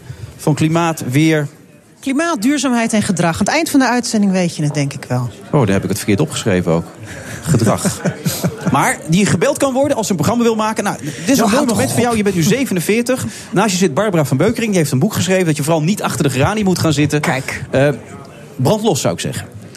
Achter de geraniums. Hoe oud moet je zijn om achter de geraniums te gaan zitten? Nou, de, de, de, eigenlijk is dat een beetje spreekwoordelijk eh, moment waarop je met pensioen zou gaan. En Dus dat, is, was 65. was dat wordt 65, nu is tegen nu tijd, 67. Tegen de tijd dat ik met pensioen ga is 70. Precies, dat minstens, minstens. Want ja, het is ook zo gek. De pensioenleeftijd is ooit uitgevonden op 65... omdat de levensverwachting toen ongeveer om en nabij de 70 was. Dus dan had je nog een paar jaar om te chillen, zouden mijn dochters zeggen. Maar inmiddels is de levensverwachting... mijn is al 86, dus dan zal die van jou al, denk ik, 88 zijn. Ja, en om dan vervolgens gewoon 20 jaar helemaal niks te doen... dat is niet meer van deze tijd. Nee, en dat scheelt natuurlijk ook enorm wat je in je leven gedaan hebt. Hè, wanneer je eigenlijk met pensioen zou moeten Ja. kunnen gaan. Eh, Wat voegt het, wat, wat, wat vertel jij in dat boek? Wat vind je belangrijk dat mensen dus niet achter de graniums terecht kunnen komen? Nou ja, ik, ik was vorig jaar 50 geworden en ik dacht van ja, hoe ga ik nou de rest van mijn leven invullen? En toen heb ik 14 vrouwen geïnterviewd die mijn rolmodel zijn in het ouder worden. Onder andere Hedy Dancona, Nelly Kroes, Ans Marcus, Nelke Noordervliet, Gerry Verbeet, nou nog een heleboel anderen. En die heb ik gevraagd van, hé, maar jullie zijn 70 plus en 80 plus en jullie werken nog steeds. Jullie zijn nog steeds, zien er goed uit, zijn energiek. Hoe doen jullie dat? En wat was hun geheim? Nou, hun geheim was dus onder andere van gewoon door blijven werken door blijven, bezig blijven. En niet van, nou, je moet op je 80 nog 60 uur per week werken, natuurlijk niet. Maar wel gewoon zorgen dat je bezig blijft en dat je niet inkakt. Dat is eigenlijk de moraal van het verhaal. Maar dat is natuurlijk makkelijk gezegd. Hè? Je, noemt bepaalde namen. Of dan denk je, oh, maar die hebben natuurlijk ook een bepaalde staat van dienst. Dat is natuurlijk niet kopieerbaar voor elke nee, man. dat is een hele terechte opmerking. Natuurlijk is dat ook zo. Maar dat hoeft ook niet. Hè? Ik wil, je hoeft niet met, op eh, bestuursfuncties, of, of zoals deze vrouwen, of een kunstenares, Ans ja, die kan ook lang doorgaan. Maar je kunt natuurlijk ook vrijwilligerswerk gaan doen. Of, of in een winkeltje gaan staan. het- Of, of in, bij een koor gaan. Ik bedoel, daar, het maakt niet uit wat je doet. Maar de vies is wel bezig blijven. Het voorkomt eenzaamheid. Het voorkomt oud worden. Het voorkomt, eh, ja, je houdt contact met de maatschappij. En dat is wel het belangrijkste eigenlijk. Ja, maar moet je dan al een leeftijd bereikt hebben achter de geraniums? Of zou het eigenlijk voor de jeugd ook wat zijn? Of van mijn leeftijd om ook gewoon veel meer tussendoor Nee, met maar jij bent, toch, jij bent toch al heel druk bezig. Nou, ik denk af en toe gewoon... van de maatschappij, Helga. Ja, ja, dat ben jij, zeggen ze dan. Hè? Maar gewoon bij je buurvrouw eens op bezoek gaan... of eens bij een, eh, een, een bejaardencentrum op bezoek gaan. Ja, zeker dat met dit weer natuurlijk Ja. ook. Nee, maar dat, dat, zou, dat zou ik eh, iedereen aanraden. Dus gewoon je hele leven zorg dat je een aardig en sociaal mens bent. Maar dit boek gaat dus wel specifiek over ouder worden... en hoe voorkom je dat, je dat het kommer en kwel wordt... maar dat het een leuke fase van je leven is. Wat voor verrassende dingen ben je tegengekomen dat je dacht... joh, daar heb ik eigenlijk helemaal niet bij stilgestaan? Nou, voor, eigenlijk vooral dat, eh, dat die vrouwen me lieten inzien dat het, dat het geen eh, nare periode in je leven is. Je denkt eigenlijk, hè, heel veel mensen hebben problemen met ouder worden. Nou, jij misschien nog net niet, omdat je nog net aan de goede kant van de 50 zit. Ik zeg niks. de spiegel is genadeloos, ochtends vroeg, kan ik je vertellen. Maar dan heb je, mensen denken een beetje van oud worden, lichamelijk verval, kommer en kwel. En het wordt er niet leuker op, de, tij- de, de tijd tot de dood wordt kleiner. Weet je, het, het lijkt dat zo met somberheid eh, omgeven. Terwijl deze vrouwen me zei- allemaal zeiden, nee, het is juist de gelukkigste fase van ons leven. Het is juist ontzettend En dat had je eigenlijk niet verwacht? Had ik echt niet verwacht, nee. Nee, dat, dat, dat zij echt benadrukte als dat ze zo gelukkig waren. Juist omdat ze zeiden, je bent zo vrij als je ouder bent. Je hebt geen zorg meer voor je kinderen, niet voor je ouders. Je hoeft niet meer je te bewijzen. Ik bedoel, het is een hele. Een, een- je bent onafhankelijk en autonoom. En dat, dat sprak me eigenlijk wel heel erg aan. Mensen die denken dat ik vertrokken ben, ik ben nog gewoon hoor. Ga gewoon door. nou ja, breek vooral in, Nee, nee, eh, nee, Wilfred. dit is jullie Eh, onderwerp. Ik laat je hebt, jullie je hebt het boek speciaal gisteravond zitten lezen, vertelde je mij. Dus Ja, ik heb alles gelezen inderdaad. Ja. Veel drinken is ook belangrijk, las ik, hè, voor die vrouwen. Toch? Nou, Meer dan 14 belangrijk- glazen per week. Zij zijn, de, de vrouwen die ik heb geïnterviewd, die komen uit de, uit de generatie die toch best wel veel dronk. Hè? Ja. Die- Die zijn gewoon echt een beetje opgegroeid met eh, elke middag om vijf uur, vijf in de klok. En dat doen ze nog steeds. En dat vond ik wel grappig, want mijn generatie, of onze generatie, als ik even zo vrij mag zijn, we worstelen toch een beetje met alcohol. Hè? De Hoezo? Dry January en proberen door de week niet te drinken. Dat is wel een beetje. Echt waar? Ja, heb jij dat niet, eh Wilfred? Ik kijk omheen even. Maar. Kijkt niemand terug. Wacht even. Proost, Ja, hè, jongens? Wacht er even. Vri-. Vrijdag borrel, vrij Mibo is vrij heilig. Oké. Nou, dat heb je goed. eh, Nee, maar het is, het is wel bekend inderdaad dat een, Ja. een bepaalde generatie is dat vrij vanzelfsprekend is dat je dat deed. Ja. Dat is tegenwoordig niet meer zo. En dat is niet meer. En dat vond ik eigenlijk wel grappig dat die vrouwen er nog steeds op hoge leeftijd ook nog steeds zo makkelijk in zijn. En elke dag nog drinken. En ook totaal niet van plan zijn om daar eh, mee op te houden. Maar goed, het is een gewoonte. Dat wil niet zeggen dat je daardoor Nee, achter de geraniums dat is- vitaler blijft. Nee, dat is ook niet zo. Dat heb, daar heb je gelijk. Nee, als we in praktische tips eh, zetten, dan, dan vond ik wel heel. wat was voor mij in ieder geval een goede tip, want ik hou zelf helemaal niet van sporten. Dat zij zeiden: je moet wel echt gaan bewegen. Want. Ah, Je, niemand wil eigenlijk stram en stroef oud worden. En straks schuifelen achter een rollator. En als je nu al begint, of eigenlijk moet je op je 40 natuurlijk al beginnen. met gewoon elke week wel regelmatig bewegen. Nou, minimaal 30 minuten op een dag. Intensief, matig intensief bewegen, dus stevig wandelen. Ja, nou, Eigenlijk ook niet stilzitten achter een bureau, maar zo'n fietsje eronder doen. Ja, dat, ja, dat is die Erik Meedoen Scherder met die ochtends heb je zo'n programma, Wilfred. Dat doe je toch ook? Hoe heet dat? Ja, de Nederlandse beweging? Commandeur is Ochtend- dat, hè? Olga Ja. Maar waar die laatste... Nou, weet je, ik heb laatst meegedaan thuis. Ik lag helemaal... maar Niemand moet kijken, gordijnen dicht. Maar het, je, het- zet nog serieus je Dit hart aardig aan het Dit gaat je nieuwe ambities helemaal in de weg zitten. Ja, je maar Ik wil niet achter niet stil werken Maar Marjan. Berk, die ik heb geïnterviewd van mijn boek... die doet dus elke ochtend om 6 uur, is dat geloof ik? Nee, nee, niet overdrijven, uur of negen. Ja, nee, maar je hebt het twee keer. Om 6 Oh. uur en om 9 uur. En zij doet altijd de uitzending van 6 uur. 85 jaar, doet ze elke ochtend mee. Oké, dus de tip is, eh, blijf vooral bewegen. Noem er nog eens twee. Eh, nou ja, Seks, ook belangrijk nog Seks? steeds. Ja, Ja, nou ja, ja, als je Blijf het hebt, hè? Ja, nee. Strooit met, met de Viagra als ik eh, naar zijn vrienden en zo. Nou ja, ook een enorme geruststelling. Dat je als je ouder wordt, dat dat dus niet minder wordt. A, de zin wordt niet minder, vertelde die vrouw mij. Maar ook als, als inderdaad mannen last krijgen van erectieproblemen... dan is daar een ideale pil op uitgevonden. Ja, hij deelt zo gewoon uit, begreep ik. eh, als ik het goed gelezen had, toch? Ja, Ja. mijn man die deelt ze gewoon uit. Die zegt gewoon, ik, ik- tegen andere mannen die zeggen... nou, dat zou ik nooit doen. Zeg ik, probeer nou eens. Want er zijn zoveel mensen die geen seks meer hebben... als ze wat ouder zijn. Dat het eigenlijk gewoon helemaal niet hoeft. Nee, dus die vrouwen geven als advies, blijf vooral doorgaan. Het hoeft niet Ja. altijd rampetant te zijn. Ook eh, een zoen en, en een beetje Een knuffel gewoon. Spreekt Ja, ook al je gelijk. hoeft elkaar inderdaad aandacht. niet meer alle hoeken van de kamer te laten zien. Maar de Met intimiteit... een kunstheup en zo is dat niet altijd wel even makkelijk natuurlijk. Ook zo, met Heb dat je wel gelijk je bewegingsdoelstellingen van die dag gehaald. Ja. Maar je bent je bewijsdrang en je statusgevoeligheid eigenlijk helemaal kwijt. Las ik ook in een interview dat deed dit weekend. Eh, eh, Is dat echt zo? Of was dat gewoon omdat je dat moest roepen in het interview? Nou, ik denk dat als je eenmaal boven de 70 bent, dat je niet Ja, maar meer ben je werkt. niet. Je bent 51. Nee, ik. Ja. Ja. maar ik ben ook nog niet oud. Of dacht je wel? Nou ja, 51. Andere kant van de 50 had je het net Ja. over. Ja. Ja, wel, nee, ik ben in die zin wel oud. Nee, ik, ben, ik, ik denk, want dat, dat heeft Victor Hugo heel mooi gezegd... 40 is de ouderdom van de jeugd en 50 is de jeugd van de ouderdom. Dus ik ben nu, ik ga nu richting ouderdom, maar ik ben daarin wel jong nog. Maar goed, dus voor mij Dat wil geldt je het... nog even benadrukt hebben, toch? Of niet? Dat Nee, nee, hoor, nee, nee, nee, want ik vind het dus helemaal niet erg om oud te worden. Nee, je bent al oma. Ik ben al Echt oma. Heel geweldig. Ja, nou ja, inderdaad. Oh, ja. wat leuk. Ja, ja dat, nou, dat is echt ook een aanbeveling. Ja, nou nee, Oh. liever niet. Mijn kinderen zijn nog iets te jong. Ja, ik zou nee. in de stress schieten als ik nu oma zou worden. Nee, nu niet. Maar als je dan op, dat op een gegeven moment bent... dat hoort wel bij eh, leuke dingen van ouder worden. Dat houd je ook achter de geraniums vandaan, hè? Met de kleinkinderen allerlei leuke dingen doen. Zeker, zeker. Dus was dat een van de aanbevelingen? Zorg dat je kleinkinderen krijgt. Nou ja, daar, daar ga je dus zelf niet over. Dat is een beetje jammer. Maar het is wel een heel groot geluk als je ze krijgt. Ja, zeker. Ja. Nou, je bent geslaagd, Helga. Dat programma dat gaat er komen, dat is duidelijk. Ik bedoel, het liep als een tierenlier, man. Ik denk, waar heb jij het toch over? Maar jij zit hier over het programma. Ja, nee, ik zit jou nu een beetje te coachen. We gaan Nee, maar het is toch een hartstikke leuk dat je een boek schrijft over. Ik, dan wil ik ook de tips weten. In beweging geranium. blijven, goed aan de seks blijven als Ja. je ouder bent. Dus ik heb nog een paar jaar om eraan te oefenen. Ja. En zorg voor kleinkinderen en Ja. zo. Ja, nou Nou, leuk. de, moraal, de moraal van het verhaal is... het is niet erg om oud te worden. Het is juist leuk om oud te worden. Nou ja, geniet vooral van datgene wat nog goed gaat als je oud wordt. En Ja. focus je niet op wat niet goed gaat. Nou, dat vind ik ook een hele goeie. Dat was inderdaad ook wat die vrouw zei. Van niet zeuren, blij zijn inderdaad met wat je hebt... en eh, geniet van je vrijheid. En maar dat is ook de generatie die zo is opgegroeid, hè? Ja, ja klopt. Jullie zijn er redelijk eens, dames. Hartstikke mooi. Ja, kruip nooit achter geranium, ben ik erop. Maar dat gaat jou ook niet gebeuren. Nou, er een paar eigen andere mooie bloemen mee. Als ik straks maar een mooi uitzicht heb, dan wil ik best achter geraniums gaan zitten. Ja, Barbara, bedankt. Dank jullie wel. En succes. Tot zo. Dank je wel.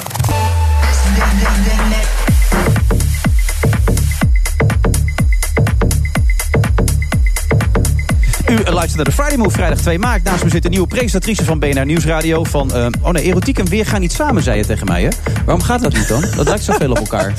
Eh, ga jij met dit koude weer in jouw erotieke setje buiten schaatsen? Ik niet hoor. Nee. Nee, jij wel? Nee, maar eh, je zei straks, het lijkt te veel op elkaar. Dus daarom wil ik het niet over erotiek hebben. Maar goed, laat maar gaan. Naast je zit Bas Robben, geen familie van trouwens. Dat heb je heel vaak te horen gekregen. Heel ver. Echt waar? Ja. Meen je dat nou? Zijn opa en mijn opa zijn neven. Nou ja, ik, ik maak Maar er we meer hebben zo... nog nooit ontmoet. Nee. Val je ook veel of niet? Of valt het mee? Nee, dat valt wel Nee, mee. dat je zwalbes maakt gewoon op de- in de Ah, huiskamer nee, en zo? nee, Nee, nee, dat nee, soort dingen nee, niet? nee, Nee? nee, nee, nee. Alles zit goed aan bij ook? Niks is gebroken? Nee. jouw, jouw, jouw achter-achterneef namelijk, die heeft ongeveer op 169 plaatsen wel iets kapot gemaakt in zijn carrière. Wist je dat? Het is wel een soort van running gag in de familie, ja. Oh, dat nog wel? Goed man, nee.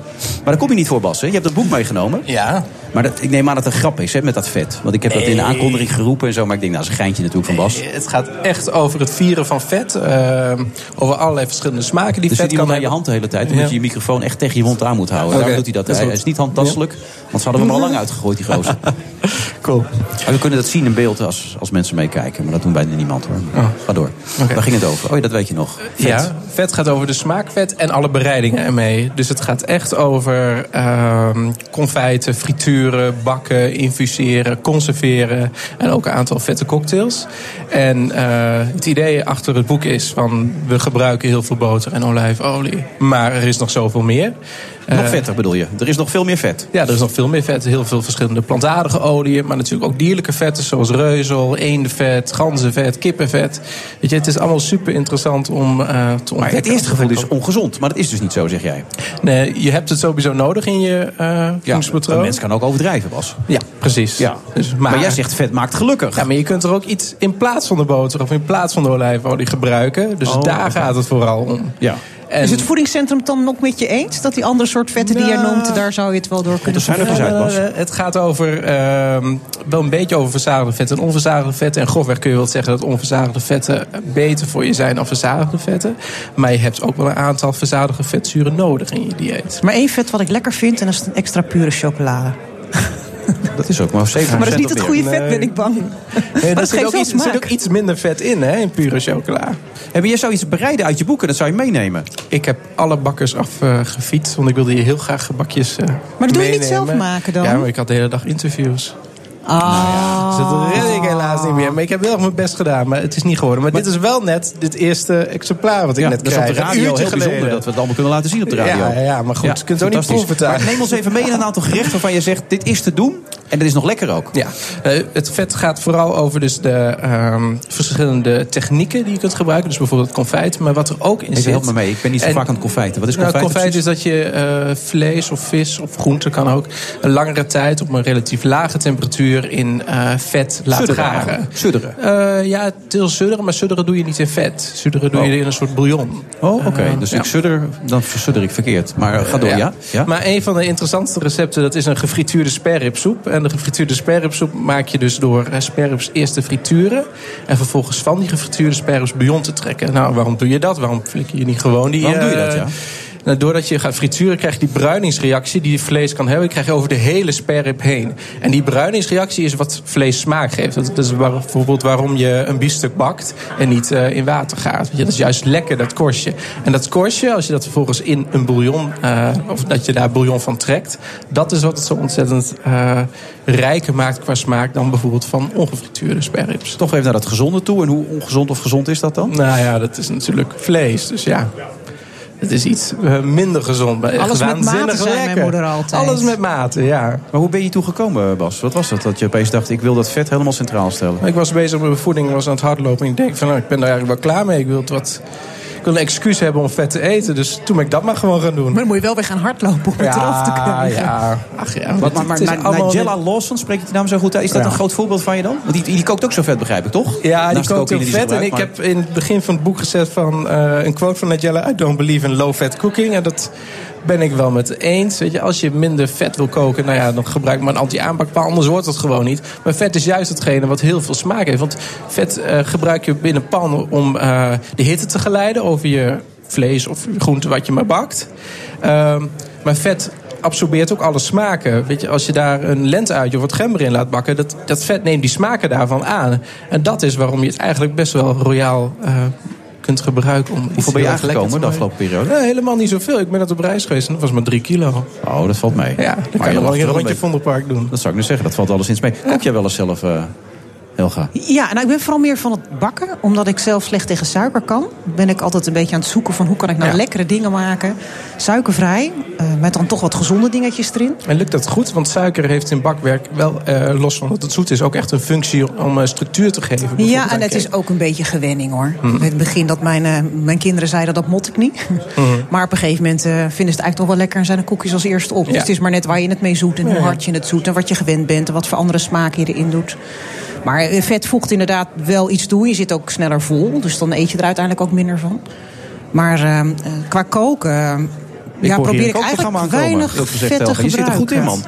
Een speciaal bakprogramma zou je kunnen maken. Ja. Weet je, voor de mensen die niet Maar dan met weinig suiker. Dat bedoel ik, ja. dat Gewoon wat gezonder. Ja, want waar, heb jij, waar, waar heb jij inspiratie eigenlijk opgedaan, Bas? In Azië las ik ook iets, klopt ja, dat? ik, ik ga veel op vakantie naar Taiwan en daar haal ik wel veel inspiratie. Taiwan? Ja, Taiwan, niet Thailand. Taiwan. Wat, wie gaat er nou, waarom ga je nou op vakantie naar Taiwan dan? Nou, dat is een heel interessant land met heel veel streetfood. En eh, het is een soort van vrije China. Dus mensen zijn er heel open en heel gastvrij. En ze willen je altijd helpen om nieuwe eh, dingen je uit te kijkt er heel proberen. ondeugend bij, hè, Bas? Ondeugend? Ja, je kijkt echt een beetje ondeugend bij als je Ja, het ik vind het echt Taiwan hebt. super interessant daar. Super interessant. Ja, ja, want je staat voor zo'n kraampje, er staan allemaal letters en je hebt geen idee wat het betekent. En dan gaan mensen zeggen van ja, maar you wanna try? En dan ja, tuurlijk. Dat zeggen ze gewoon in het Engels tegen Ja, dan? ja Ze want zoveel meer dan dat kunnen ze ook niet hoor. Oh, oké. Nee, dat valt wel En daar heb je je vet inspiratie op gedaan? Ja, heel veel wel. Er wordt veel Dus vet gegeten daar in Bijvoorbeeld die eh, gefrituurde sperripsoep komt er vandaan. Maar ik heb ook, eh, wat op de cover staat, is een hele decadente chiliolie.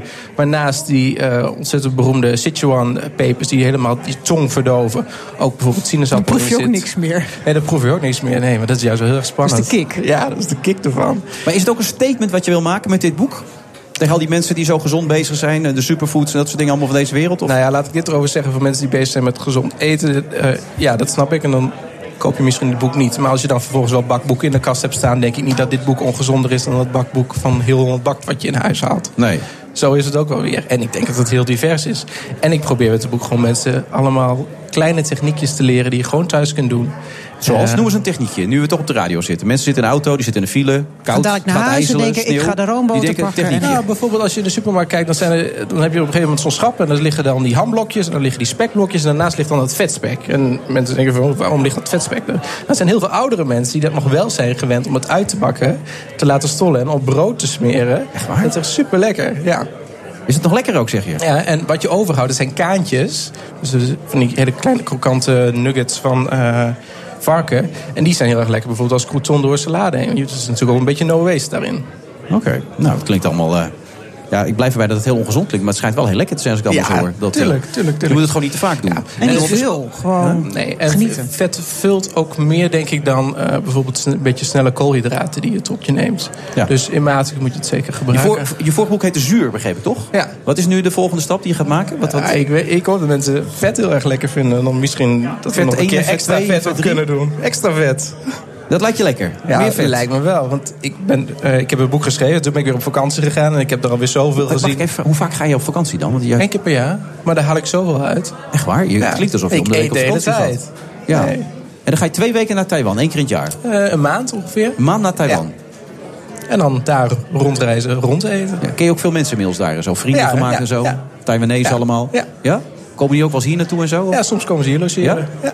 Oh, wat grappig. En dan neem ik ze allemaal mee naar eh, Holtkamp voor kroketten. En dat vinden zij dan heel erg boeiend. Oké, dus er komt een extra vet. Maar hoe is dat zuur gelopen eigenlijk? Nu ik het toch even vraag. Ja, best wel goed. Zuur heeft de publieksprijs eh, gewonnen voor de koper van het jaarverkiezing. Zo. Eh, en zuur laat ik eh, mensen zien dat zuur als smaak heel erg nodig is. Met name naast iets vets. Weet je, dat, je kunt een vette hap eten, maar het is eigenlijk lekker als je een vette hap eet. En dat je er daar dan iets zuurs bij over hebt. Eh, bijvoorbeeld als je gefrituurde garnalen hebt en je doet er een beetje citroen over. Weet je, dat maakt het al zoveel interessanter. Ja. Eh, maar zuur is ook als bereiding eh, heel interessant. Want je bijvoorbeeld mascarpone kunt maken, je kunt ricotta ervan maken. Je kunt vis garen in je zuur, je hebt het nodig in de marinade. Dat is ook een heel erg breed Hij zit er wel in, Helga. Hè? Dat is net Ja. als jij met dat weer, dan gebeurt er iets met dit soort mensen. Dan gaan ze dat helemaal los. helemaal. Ja, Hij maar staat te koken in zijn hoofd op dit moment. Ik vind het wel tegenvallen dat hij dan niks heeft meegenomen. Ja, Want ik ik had hem toch ook. eigenlijk wel een beetje willen proeven. Ja, ik ook. Ja. Maar dat Heb je nog verschrikkelijke dingen meegemaakt in die andere interviews? Waarvan je denkt, dat is nu traumatisch voor me, daar kom ik niet overheen? Nou, iedereen die wil weten of het wel gezond is of niet. Ja, gek Ja. in deze tijd. Ja. Ja. Maar ja, vet is niet het eerste waar je aan denkt bij gezond. Daar komt het allemaal een beetje door. Nee, maar wel bij het eerste waar je aan denkt bij lekker koken. Ja. En daar gaat het. Dat is toch het belangrijkste, zeg Ja. jij. Altijd gezeik over die gezondheid? Met een korreltje zout. Ja? Ja. Maar zout schijnt ook niet zo goed te zijn. Nee, hoor. ook niet. Nee. ik denk dat je eerder zout. vet kunt eten dan zout. Daar meer mee met uit moet kijken. Maar als ik het heel goed hoor, Bas, eh, jij vindt het allemaal gezeik. Daar komt het eigenlijk op neer. Gewoon Nee, lekker niet vet allemaal eten. gezeid. Maar met mate, dat kun je toch best. En dan hopen dat het nog heel lang heel koud blijft. Want je verbrandt veel meer calorieën in de winter. Als je niet achter de Maar centrale verwarming die dat kan blijft zeggen jij. Dus blijft het nog lang koud? Dan gaan we het eind van de uitzending vertellen. Dan houden we nog een beetje de spanning erin. Zo, dit is echt een eh, teaser. Daar hangen de mensen nu echt nog van het einde aan de uitzending hoor. Mag je ontzettend bedanken, Bas. En de groeten als je hem spreekt, hè, Narjen? Ja, dat, eh, ja hè, je weet het nooit natuurlijk. Maar die know. eet niet zo vet hoor, die Arjen, als ik hem zo zie Echt niet? altijd. Nee, die eet En nu altijd- ook niet meer? Nee, hij, heeft nog, hij speelt nog hè, bij, Bars, Oh, bij, bij Nou juist wel, die heeft heel veel calorieën nodig. Oh, oké. Nou, Als je zo verkiest bent. Stuur, stuur het boek op, man. Dat liedje. Ja. Goed. Ja. Bas Robben, vet. En straks extra vet. En straks extra extra vet. En zo. En dan wordt er nog heel veel als ik het zo hoor allemaal. Zometeen praten we over Theresa May. De speech die ze houdt. Brexit en dat soort dingen. Met Peter Brussen. Tot zo. BNR Nieuwsradio. The Friday Move. Ah, yes, hello. One record after another. Ja, maar de vraag is, is het ijs dik genoeg? Om de achternaam van Klienstra te wijzigen. Het probleem zit in de vertrekhal en bij de gates. We zijn letterlijk terug op het spoor. Wilfred Gené. Op de dag dat Theresa May een speech heeft gegeven over de Brexit. En tot half zeven is er mijn co-host Helga van Leur.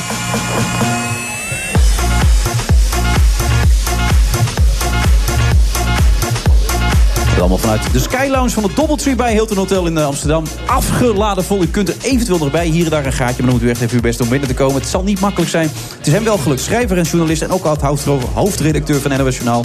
Peter Brussen.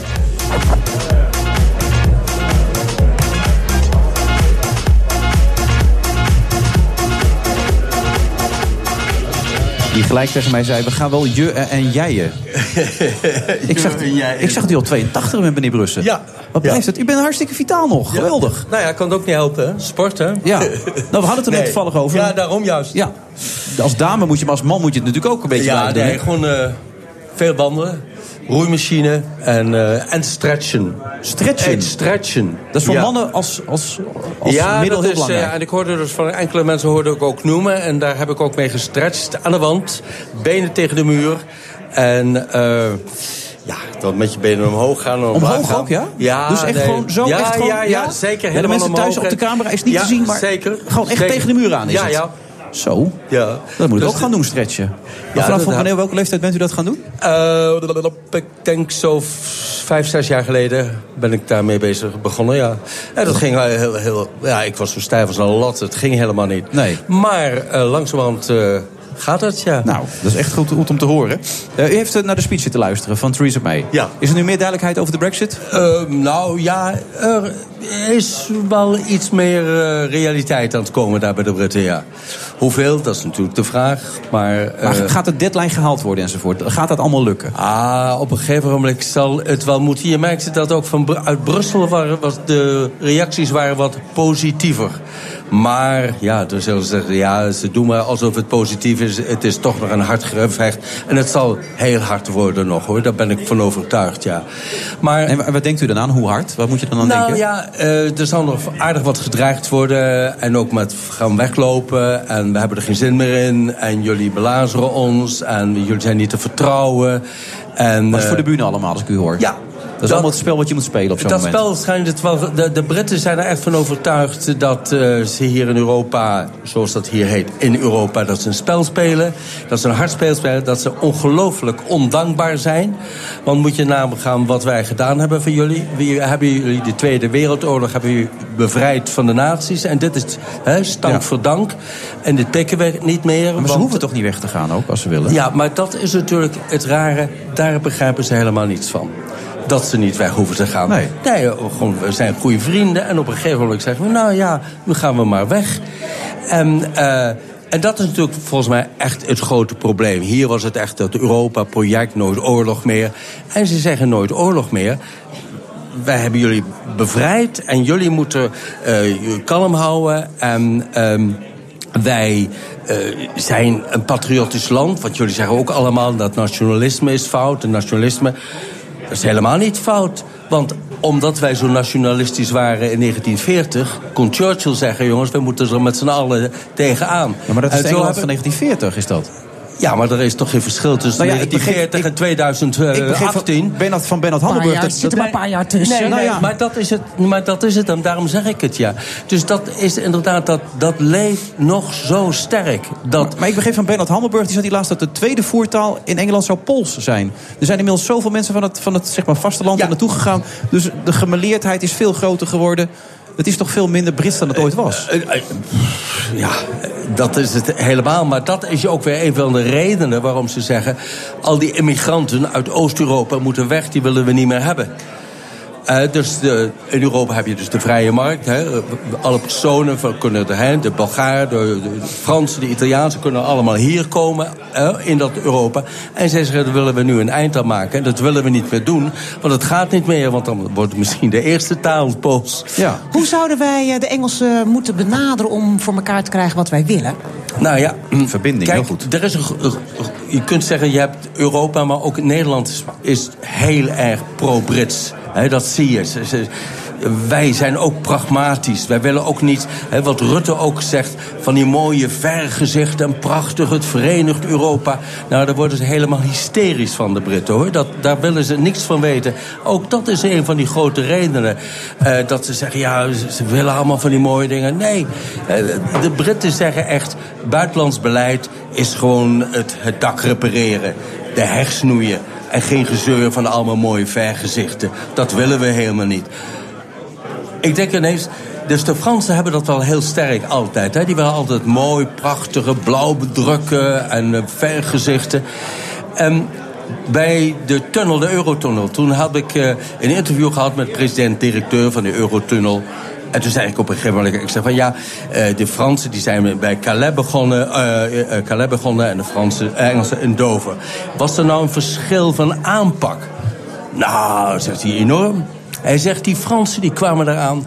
Alles was in orde. Fantastisch. Ze wisten precies hoe het moest en daar. En alle blauwdrukken. De Engelsen hadden helemaal niks. Hij zegt, ze doken daar met een paar... Ja, wat waren scheppen de grond in. En het was net een rugbyscam. Echt waar? Hij, zegt, dat, dat was het. En ik zeg, en toen? Nou ja, dan gaan ze verder. En op een gegeven moment dan blijkt het dat die Franse voorbereidingen niet helemaal kloppen. En dan krijg je die Engelsen weer. Want de Engelsen zijn goed in improviseren. Ja. Dat kunnen ze meesterlijk. Maar als De we nou Engelsen goed die brexit geregeld willen krijgen... maar hoe moeten we dan die Britten benaderen om ervoor te zorgen... Da- de- de- heel pragmatisch uh, zeggen van, nou, natuurlijk regelen we dat, dan doen we dat zo. En, Dan worden ze eh, flexibeler dan wanneer ze dan, nu, Dan, eh, dan doen ze dat wel, ja. En eh, ja, de Nederlanders zijn natuurlijk ook zo'n beetje... Dat wij zijn ook gewoon pragmatisch, handel drijven, niet zeuren... niet al die mooie dingen willen doen. Gewoon kijken, jongen, geld verdienen. Maar het En, leek eh, het erop, meneer Brussel, dat op een gegeven moment... dat, dat ook zelfs Theresa May wel een beetje bij een soort douane-unie aangesloten wilde blijven. En dat er een soort koep zou worden gepleegd om haar daar van te weerhouden of even van plaats te krijgen. Ja, zij, nu heeft ze iets van die douane-unie... dat ze daar een bepaald soort douane-unie... Ja. niet helemaal zo, de- zoals dat hier is... Dat, eh, en met andere landen eh, eh, buiten de EEG ge- afgesloten zou, zou zijn... Dat, dat, dat wil ze nu langzamerhand wil ze dat wel gaan, gaan doen en begrijpen. Maar het moeten allemaal eigen soort associatieverdragen worden. En dat is allemaal weer heel pragmatisch kijken. En zo doen we dat. Maar niet meer dat grote Europa. Maar, maar hoe is haar positie? De, de, de three Brexiteers werden ze genoemd. Waaronder Boris Johnson. Zat, En die zouden haar gaan afzetten of zo, was eigenlijk het idee. Ja, dat er een nee. nieuwe premier zou komen. Want die zouden er voor de harde lijn willen zijn. Ja. Dat moet zo keihard mogelijk Die zegt doorgesneden gewoon worden. helemaal weg. Ze zijn maar helemaal van dat Europa af. En dan gaan we rustig gaan wij ons gangetje. En dan gaan we met de rest van de wereld gaan wij onderhandelen. En zo zien, dan wordt het fantastisch wat we gaan doen. Maar gaat dat gebeuren? Of is dat een stemming? Nee, dat, dat kan niet. En dat, dus dat, dat ziet zij nu ook. En zij heeft nu ook gezegd...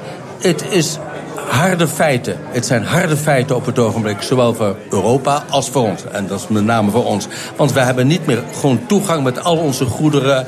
Eh, in de Europese markt... waar echt de helft van al hun export heen gaat. Dus dat, daar moeten dus weer oplossingen voor gevonden worden. En zij heeft zoiets van, als je dat met goede wil doet... dan komt dat allemaal wel. En dat willen we wel. Bovendien, wij willen ook natuurlijk de, de veiligheid. Kijk, zij zijn natuurlijk ook heel sterk, sterk wat defensie en veiligheid betreft. Ik bedoel, ze hebben een goed leger. Ja. Ze zijn heel goed eh, met eh, intelligence, intelligentie, spionage. We kennen alle spionage. Ja, we kijken er altijd naar. James Bond is geweldig. En, dat, en die moeten wij houden. Dit- ik bedoel, dit- daar zijn ze echt heel erg goed. Dus zij denkt, nou, compromis, dat... dat Maar over welke termijn praten we? Dat het uiteindelijk helemaal voor elkaar is. Eh, Waar moeten we aan denken dan? 2019, dus over een goed jaar en een maand, dan zijn ze, er officieel uit, maar Ja. er is er een overgangstermijn. Hoe lang is die overgangstermijn? En dan krijg je het grote probleem, welke wetten, welke regels gelden dan in die overgangstijd? En daar zijn ze het helemaal niet mee eens. Want zij willen ook niet het Europees Hof meer houden. Dat is Nee. het Hof van Justitie wat zegt... als er hier eh, geschillen zijn en problemen zijn... dan moet dat Europees Hof dat moet het oplossen. En zegt, daar willen wij niet meer bij zijn. Wij zijn soeverein. Wij hebben het parlement. Maar als ik u zo vertaal, onze- dan, gaan we een, een complete chaos tegemoet na 2019. Een periode. De, die kant is er nog Ja. steeds groot. Ja, ik bedoel, het, eerlijk gezegd leek het vandaag, vandaag weer iets minder... omdat je denkt, hé, hey, ze is realistischer aan het worden... en Ja. ziet dat ze zo niet kan. Dus ze zegt dat het Europees Hof, ja, daar moeten we vanaf... maar misschien kunnen we het toch nog een tijdje houden. En zo, zo was ze nu bezig. Want je hebt het ook, de grens met Ierland... Dat is ook waanzinnig natuurlijk. Ja. Dat, dat Ierland, het eigen eiland... waar een klein stukje is Brits. Noord-Ierland. Nou, dat is nu helemaal vrij. Dat kan iedereen loopt eraan en af, enzovoort, enzovoort. En dat had ook te maken met die burgeroorlog die er geweest is in de jaren 70. Hè, waar echt eh, de, IRA bezig was. En eh, nou ja, schietpartijen, moorden, enzovoort, Sunday Bloody enzovoort. Sunday, ja. En nu is dat allemaal heel rustig en kalm en zo. En ja, die grens zie je eigenlijk niet eens meer. Dus zeggen ze ja, eh, Ierland blijft in Europa. En jullie Britten, ja, jullie gaan eruit. Dus er moet een grens komen. Nou, en dat is niet opgelost. Maar verwacht je die chaos dan vooral in eh, Groot-Brittannië of verwacht je die chaos dan in Europa? Eh, de, chaos, de chaos vooral natuurlijk in Engeland, omdat ze zien van... oh, wat hebben wij gedaan, wat hebben wij gedaan. En hier, ja, wij verliezen een goede partner. Ze moeten alvast gelijk een welkom terugpakketje maken. Ja, ja, ja. Ja, dat- dat, dat hebben ze nu ook gezegd. Dat willen we ervoor zorgen dat dat niet gaat gebeuren. Want het moet voor heel, heel lang, voor generaties moeten we eruit zijn. En dan, ja, dan kan Engeland weer het grote, prots, eh, nou, trotse land gaan worden enzovoort. Nou ja, We zijn er nog ik lang niet denk, over er zit ook als dit soort. zoveel nostalgie zit erbij. Ja. Eh, van, wij waren het grote wereldrijk. En eh, dat hebben wij nog steeds. En wij zijn het beste van dit en we zijn het beste van dat. En dat Europa, ach ja, ja dat is maar eh, ja, zo'n Ja. tweederands figuren. Ja. Dat, heb je natuurlijk toch een heleboel, ja. Die mensen die gestemd hebben over het algemeen wel. Terwijl het eigenlijk het proevenlonnetje was van Cameron. Ja. Mag ik u ontzettend bedanken, Ja, Brussel. nou, oké, en, eh, wel, wel. en blijf dat stretchje volhouden. hè. Dat is gewoon echt heel belangrijk. Ja, stretch is echt heel belangrijk. Oké. En wij praten zo door met Ruud Hendricks. Benieuwd of hij ook al stretcht. Dat hoort u zo.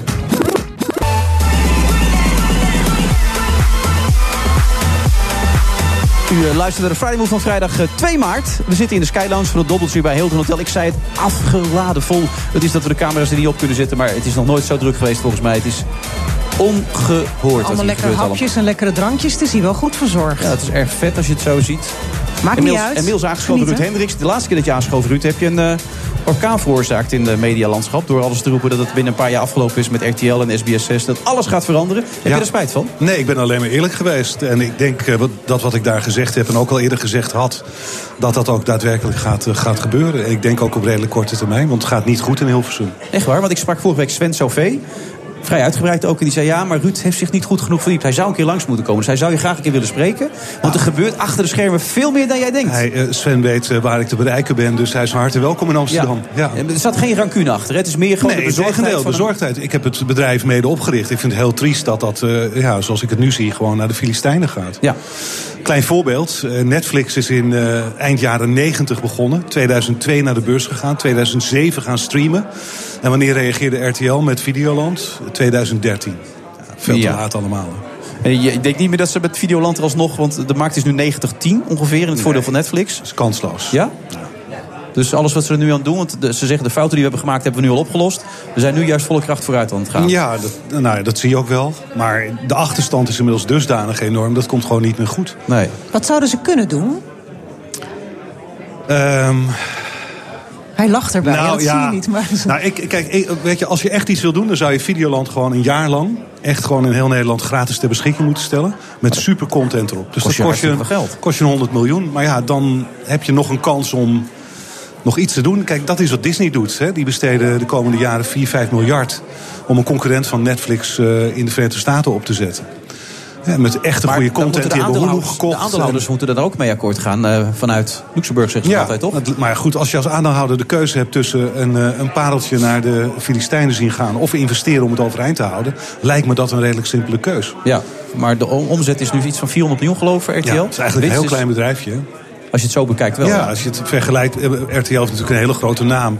Maar de hele Nederlandse media-industrie is gewoon een hele kleine sector. Ja. Dus daarom kan het ook zo snel omvallen, zeg jij. Want dan gaat het heel snel. 70 miljoen Nee, winst nu het nog. valt, het, valt, het, valt, het, het valt niet snel om, want het heeft heel lang geduurd. Maar het valt om omdat er door het management van die omvallen, zenders... Ja, nu gaat het wel een keer... Het, tipping point is nu wel geweest. Omdat ja. het management te lang heeft zitten slapen. Ja, absoluut. En daar kan ook de nieuwe CEO weinig meer aan veranderen, als ik jou zo hoor. Nou, dat hangt er vanaf hoeveel overtuigingskracht hij heeft bij zijn aandeelhouders en eh, hoeveel lef hij heeft. Ja.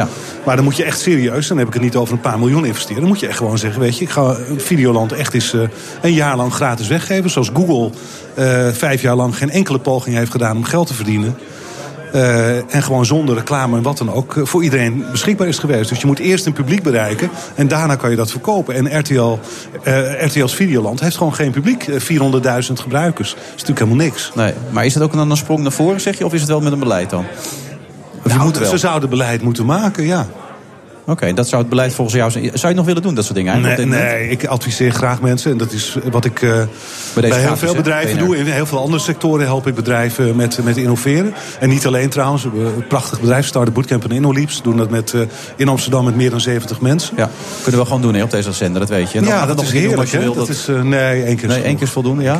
Intelligent publiek hebben BNR. En dan de beslissing deze week om Umberto te vervangen. Ja. Wat is jouw oordeel daarover? Nou ja, dat zat er natuurlijk heel erg aan te komen. Ik vind het Hij heel knap. Wel verbaasd namelijk. Weet je, ik ben heel kritisch op RTL, maar ik vind het heel netjes eh, van de directie van RTL dat ze zo lang hebben gewacht.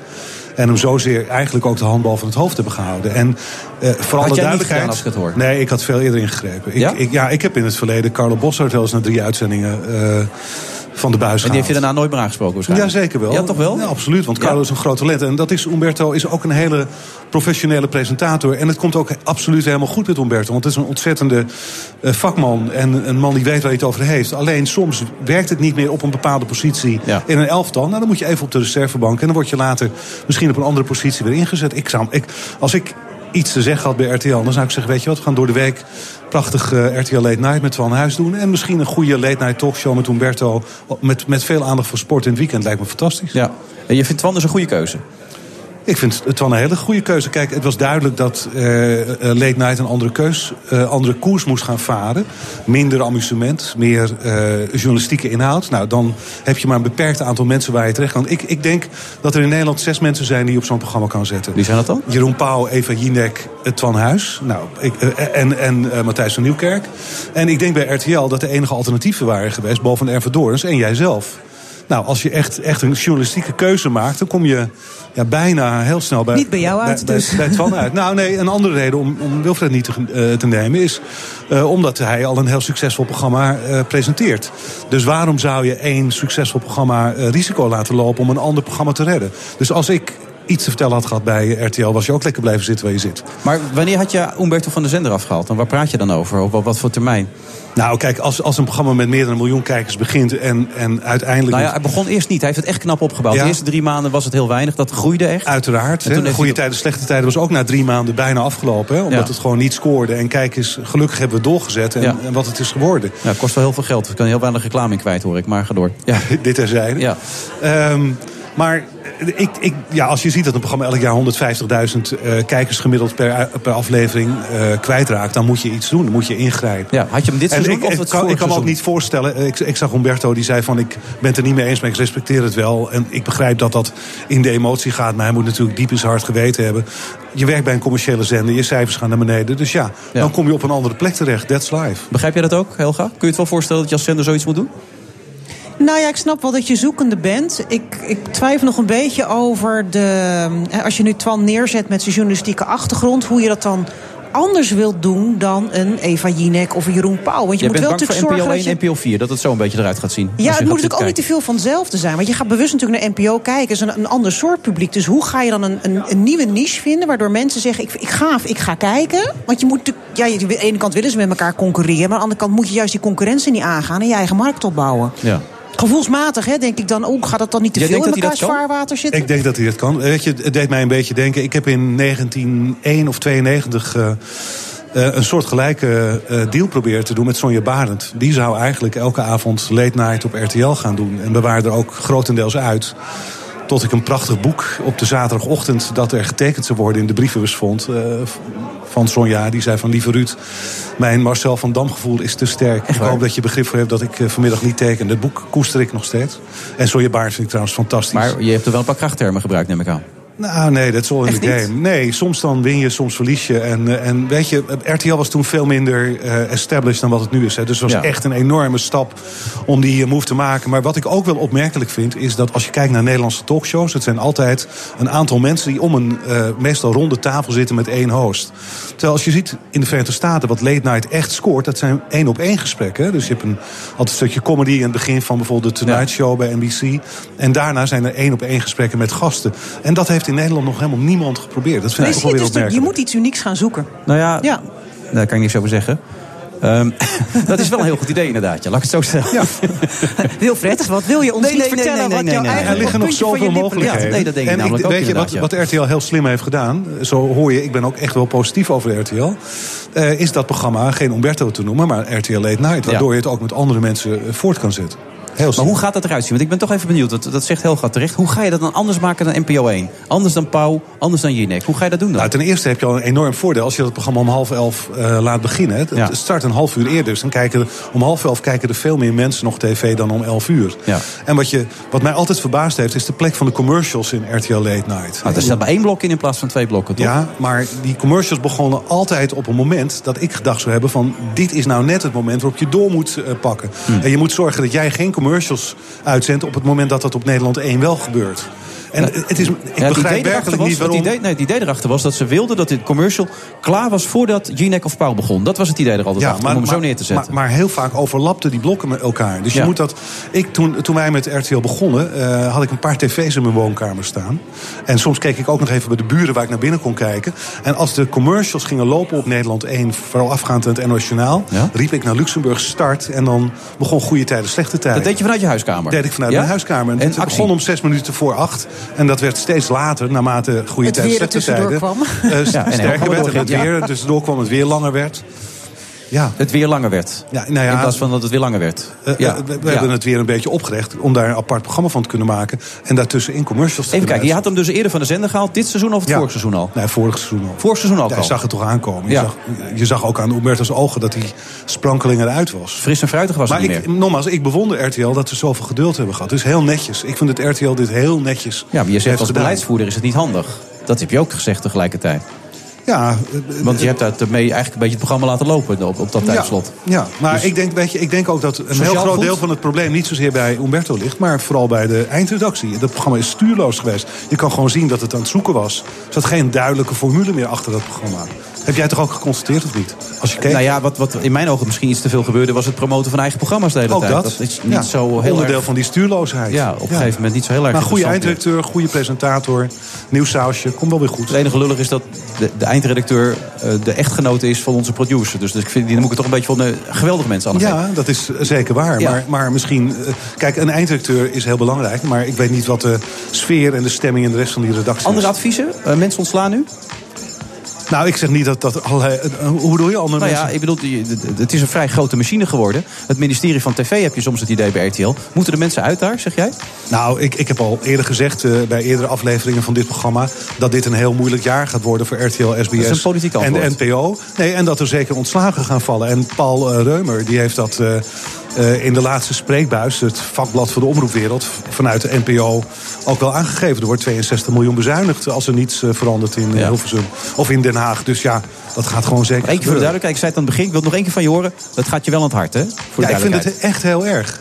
Nee, ik vind het echt heel Ja. erg. Want weet je, ik, ik, ik heb RTL met veel risico en veel moeite en inzet opgebouwd. Ik, het gaat me echt aan het hart. En daarom ben ik ook zo kritisch. En, maar nogmaals, ze doen ook sommige dingen heel erg netjes bij RTL. Het voordeel is wel, ik bedoel, Umberto is natuurlijk zo getalenteerd. Die komt echt wel weer op zijn pootjes terecht. En die vindt weer wat nieuws. Zoals Chris Segers net al zei, in je energie gaan zitten. Voelen wat wel of niet bij je past. En dan ga je weer verder. Humberto is een vakman, komt Ja, absoluut weer goed. Daarom. Nou ja. Ja. Bedankt Ruud. Graag gedaan. De Sven Sofee kan bellen dus. Of Ja, die kan altijd, even langskomen. altijd. Ja, Hartstikke altijd goed. welkom. Dankjewel. Eh, je, je blijft nog even zitten, gaat het nog? Ik blijf nog zitten, ja, geen probleem. Als je me tenzij me weg wilt hebben. Nee, ik ben absoluut niet. Tot zo. BNR Nieuwsradio. The Friday Move. Ik ga stoppen met RTL Late Night. Ja, maar de vraag is, is het ijs dik genoeg? One record after another. Nou, je moet minimaal 3 centimeter hebben. Ze zeggen, we zijn jaloers op Nederland. Wilfred Gené. Welke ouder heeft het niet in handen gehad? Oei, ik groei. Het heeft een grondige update gehad en we praten er zo meteen in deze uitzending over.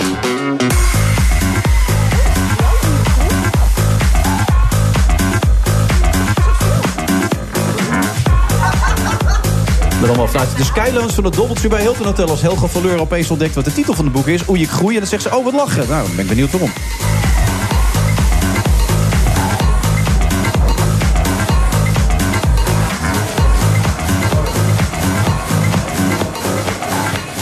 Beetje een softe uitzending vandaag, Helga. Zo straks al die vrouwen op leeftijd die nog steeds seks willen hebben... niet achter de geraniums willen zitten. En nu gaan we opeens over baby's praten. Oei, ik groei. Maar waarom vind je dat lachen dan? Wat, wat gebeurt er met je dan? nou ja, dat is de Bijbel van toen mijn, toen mijn kinderen vroeger klein waren.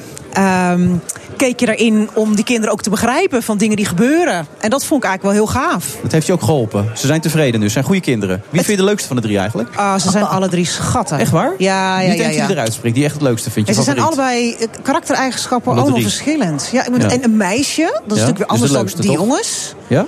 Nou, de leukste, maar ook de pittigste. Ja? Ja, Maar een, een hele wel de leukste dus? leuke, roodharige, bij de hand. De tante die alles beter weet. Want mama weet het nog steeds beter, maar dat moet ze blijkbaar nog ontdekken. En de oudste die eigenlijk niet zo heel erg hard pubert, maar stiekem toch ook wel.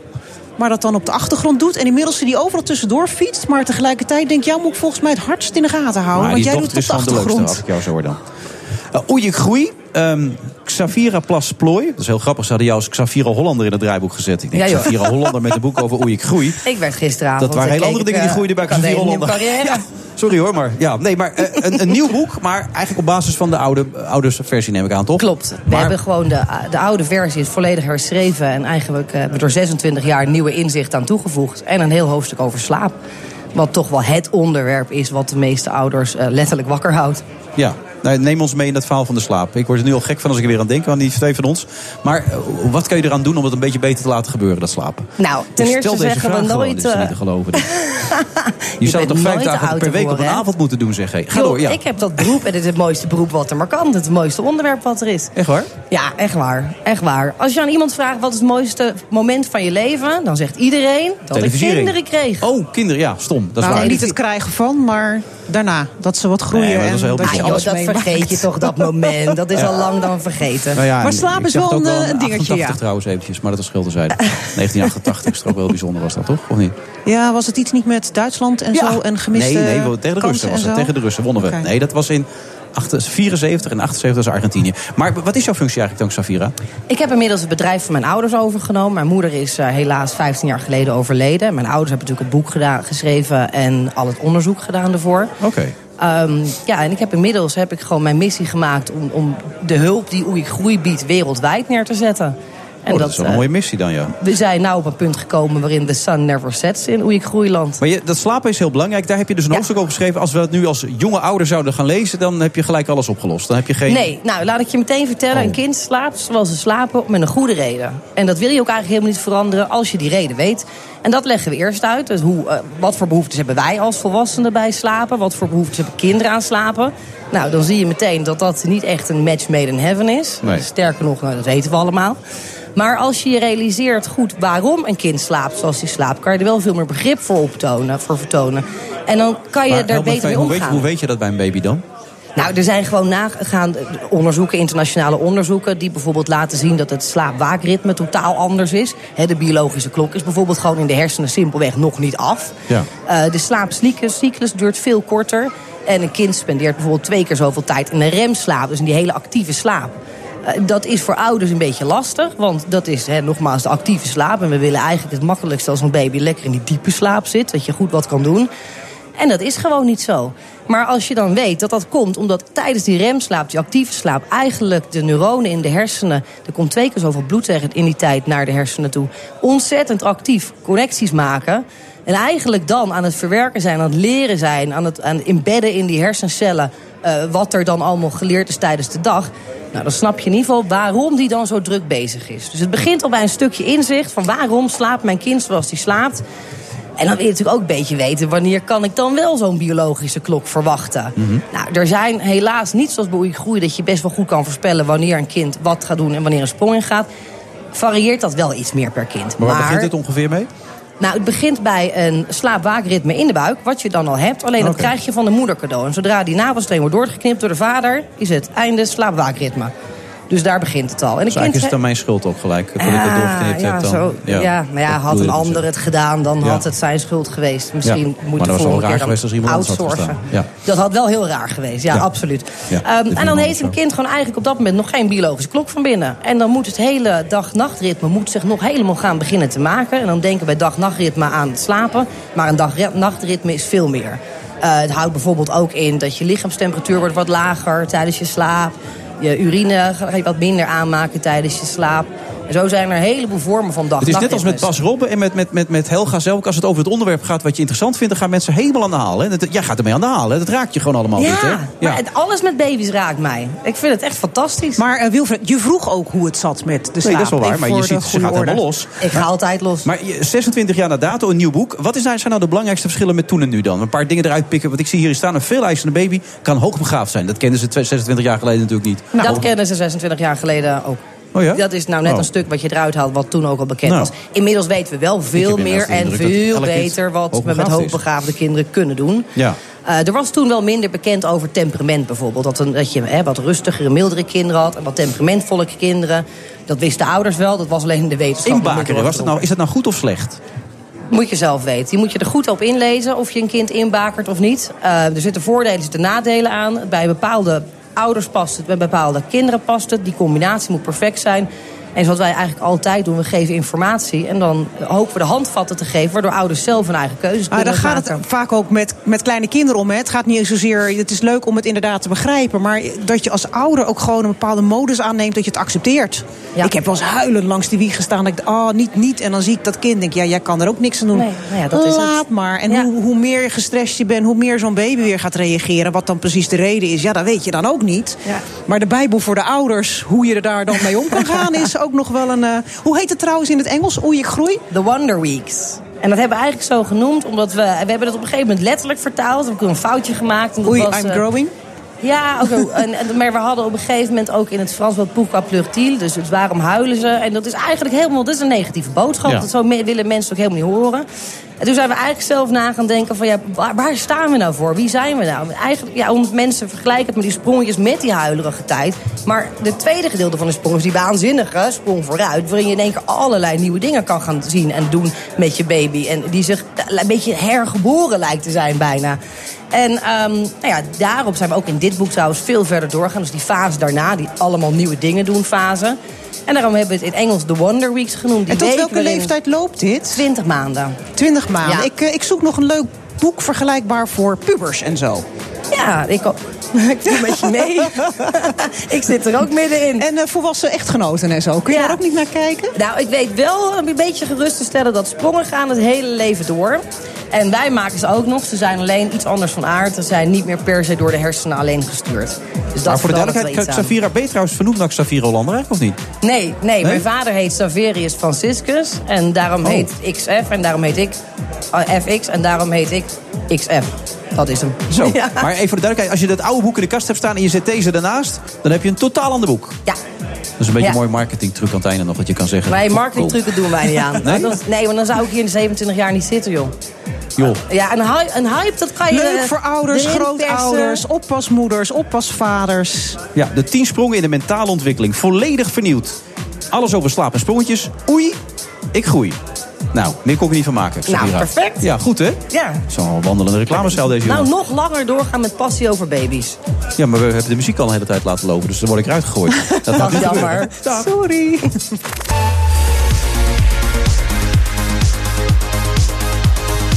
We zitten alweer in de absolute slotfase van deze uitzending van 2 maart. We zitten in de Sky Lounge van het Doubletree bij Hilton Hotel. En Rob Jansen, als het goed is, zit hij klaar. Hij is één keer kwaad weggelopen, Rob. Dat was echt? Ja, woedend was Wat heb je tegen hem gezegd toen? Nee, niks. Hij was al weg voordat ik wat gezegd had. Was hij, al woedend. hij moest te lang wachten, geloof ik. Rob, je bent er, hè? ik ben er, ja zeker hoor. Oh, je man, bent wat keurig op tijd, Wilfred. Ehm, Jongen, op straffen van ontslag kan ik je melden. Uh, ja, straks uh, Beurswatch. En het zal je niet verbazen, Wilfred, als we het gaan hebben over de handelsoorlog die Trump wil ontketenen. Uh, daar lijkt het althans op op de staalmarkt. Dat hangt er flink, dat hangt er flink in op de Europese beurzen. Maar dat is ook reden voor een feestje. Misschien, want de AEX aanstaande zondag is het 4 maart. En dan is het precies 35 jaar geleden dat die index werd opgericht, om het zo maar te zeggen. Ga je nog iets bijzonders doen, Rob, of niet dan? Nou, een van mijn gasten, Arend-Jan Kamp, die is, die is helemaal in de statistieken gedoken. Dus die weet er alles van. Dus die kan alles vertellen over de historie en of die AX het ook, ook een feestje waard is, die 35 jaar. Dus dat, dat hoor je straks. En we gaan het natuurlijk ook nog hebben over een aantal cijfers. Ahold Deleuze kwam met cijfers, zag er goed uit. Maar in België gaat het beroerd. En over beroerd gesproken, PostNL. Die kwam met een winstwaarschuwing en is kei en keihard afgestraft. Verloor een vijfde van zijn waarde deze week. Ik zei al, ik bespreek dat met Arend-Jan Kamp van IEX.nl. En met Albert Jellema van 1 Vermogensbeheer. Dankjewel. Je hebt een potlood in je hand, of niet, Rob? Ja. Of zag ik dat verkeerd? Ja, ja dat zag er heel dreigend uit. Ik zit nu even op de, op de feed te kijken. En dan zat je met die potlood zat je zo te zwaaien. Dat zag er echt heel dreigend uit. Dus okay, goed dat je nou, dat doet, dat iedereen ook weet hoe, hoe dat aan toe is. Bedankt Rob. En zometeen natuurlijk Beurswatch. Heb je aandelen? Nee. Waarom niet? Ik durf het nog niet zo goed, eigenlijk. Nog niet? Dat gaat nee. nog wel komen. Nou ja, ik heb het wel met mijn hypotheek en zo wel dingen in aandelen zitten. Maar, dat is niet handig. Alhoewel nu ja, het gaat wel iets beter. Maar uh, ik moet gewoon eerst een hele goede pot met geld hebben. En ik moet durven en misschien een heel goed advies krijgen. En ik wil vooral duurzaam beleggen dan. Weet je, ik vind wel als je iets investeert... dat je dan ook bijdraagt aan de toekomst. Maar ben je klaar financieel onafhankelijk? Nee, je... totaal niet. Nee. Oh, dat zou je denken als je dan stopt bij tv na 20 jaar. Dat het maar jij weet hoe dat werkt. Met, ja, misschien heb jij een heel goed contract geregeld. Maar dat heb ik 20 jaar geleden niet gedaan, denk ik dan. Nee, op een gegeven moment nee. is het wel handig als op een gegeven moment andere zenders naar je gaan informeren. Dan, oh, dan kan je dat net is wel iets, slim. Ja, dat ja. is wel makkelijk. Ja, nee, dat is me nog niet gelukt. Uh, en ergens vind zou ik je ook... dat willen? Financieel onafhankelijk zijn? Ja, ik weet. Ja, ja, nou, het is wel makkelijk, denk ik. Maar ik zou toch altijd blijven werken. Ik, ik denk niet dat ik iemand ben die dan thuis gaat zitten of alleen maar reizen. Ik, ik ja, ik wil toch contact blijven houden wat, met wat de doet maatschappij. als ik vragen mag? Hij is uh, huisvader die twee keer per dag trainingen geeft, zwemtrainingen geeft aan toptalenten in Utrecht. Okay, maar ja, dat betekent niet... kwart voor vijf gaat de wekker. En dan gaat echt. Ja, tuurlijk. En dan gaat zocht, uh, mijn echtgenoot en uh, zoon lief gaan eruit. En die gaan dan naar het zwembad bij Utrecht Swimming in Zeist. En dan gaan samen met... seksleven als je er kwart voor vijf uit moet ochtends? Ja, wil je echt alle details weten? Nou ja, we hadden het er net nou, het is over. heel leuk. En dan komt hij terug. En dan gaat Christian de oudste naar school. En dan duikt Bert bij mij nog oh, even dan wordt het nog even in. spannend. Ja. En dan gaan ze s'avonds weer. Dus dat kostte heel veel tijd. En dat is samen met Robin van Achelen, de oude Europese zwemkampioen. En hebben ze een club van mensen die ze echt willen, willen trainen. Omdat er binnen de buurt van Utrecht vrij weinig uh, beschikbaar is. Ja, dat doet hij hartstikke leuk. Het is echt een, een topcoach. Dus hij weet zo leuk met die kinderen de beste eruit te halen. Ja. ja, dat doet hij heel leuk. Maar het verdient niks, kost alleen maar geld. Dus, nou verdient ja. niks? Nee, zwemtrainer. Het zwembad is al hartstikke duur. Ja, ze waren ook En het is allemaal vrijwilligers. Ja, sindsdien stoken wij thuis veel meer. Ja, dat ja? is wel. Ja, sindsdien het zwembad staat. Okay. Ja, ja, of het is de ouderdom, ik weet het niet. Maar, uh, maar ik hoorde je net zeggen bij Oei ik groei, hij kan ook nog wat dingen leren. Wat moet hij nog leren dan? Want ik ja, of ik moet ermee leren omgaan. Hè? Ja? Het is natuurlijk altijd Zoals, net. Uh, bijvoorbeeld? Ja, ja. Waar heb je nou echt moeite mee bij Bert? Waar heb ik echt moeite mee? Jeetje. Nou, weet ik eigenlijk niet. Ja, nee, als ik echt moeite mee heb, dan zeg ik dat de plekken wel. Dan zit ik ja. daar niet... Ja, dan ben ik al weg geweest. Ja.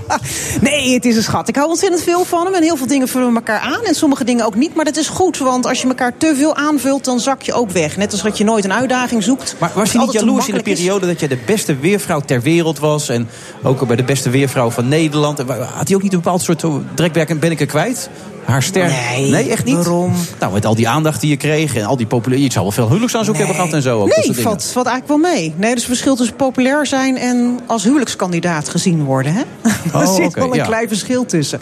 Nee, hij heeft me altijd enorm gesteund en heeft altijd gezegd als de dingen voorbij kwamen... moet je doen. Weet je, Groenland moet je doen. Ja. Uh, naar Australië met de World Solar Challenge ben je een maand weg. Doen. Weet je, we lossen het thuis wel op. Ja, als dat te vaak wordt gezegd, moet je ook weer zorgen maken. Moet je ook gaan zorgen, ja, dat is denken, helemaal nou, waar, ja. zit niet helemaal goed meer in de Ja, nou zijn mijn kinderen oud genoeg om dan een feedback te geven... wat er intussen thuis gebeurt. Dus uh, dat scheelt dan ook. Oh, hij wordt in de gaten gehouden. Ja, tuurlijk. Oh, ja, dat daar zijn ze mondig genoeg jij, hebt, jij steekt wel in de Walk of Fame. Er zijn niet veel die dat kunnen zeggen hè, bij RTL. Ja, In- in- vooraan het gebouw eh, staan mijn... uh, in, ja. in, in het beton. Dat is Leuk, nou, daar ligt wel een aardig rijtje hoor. Ja?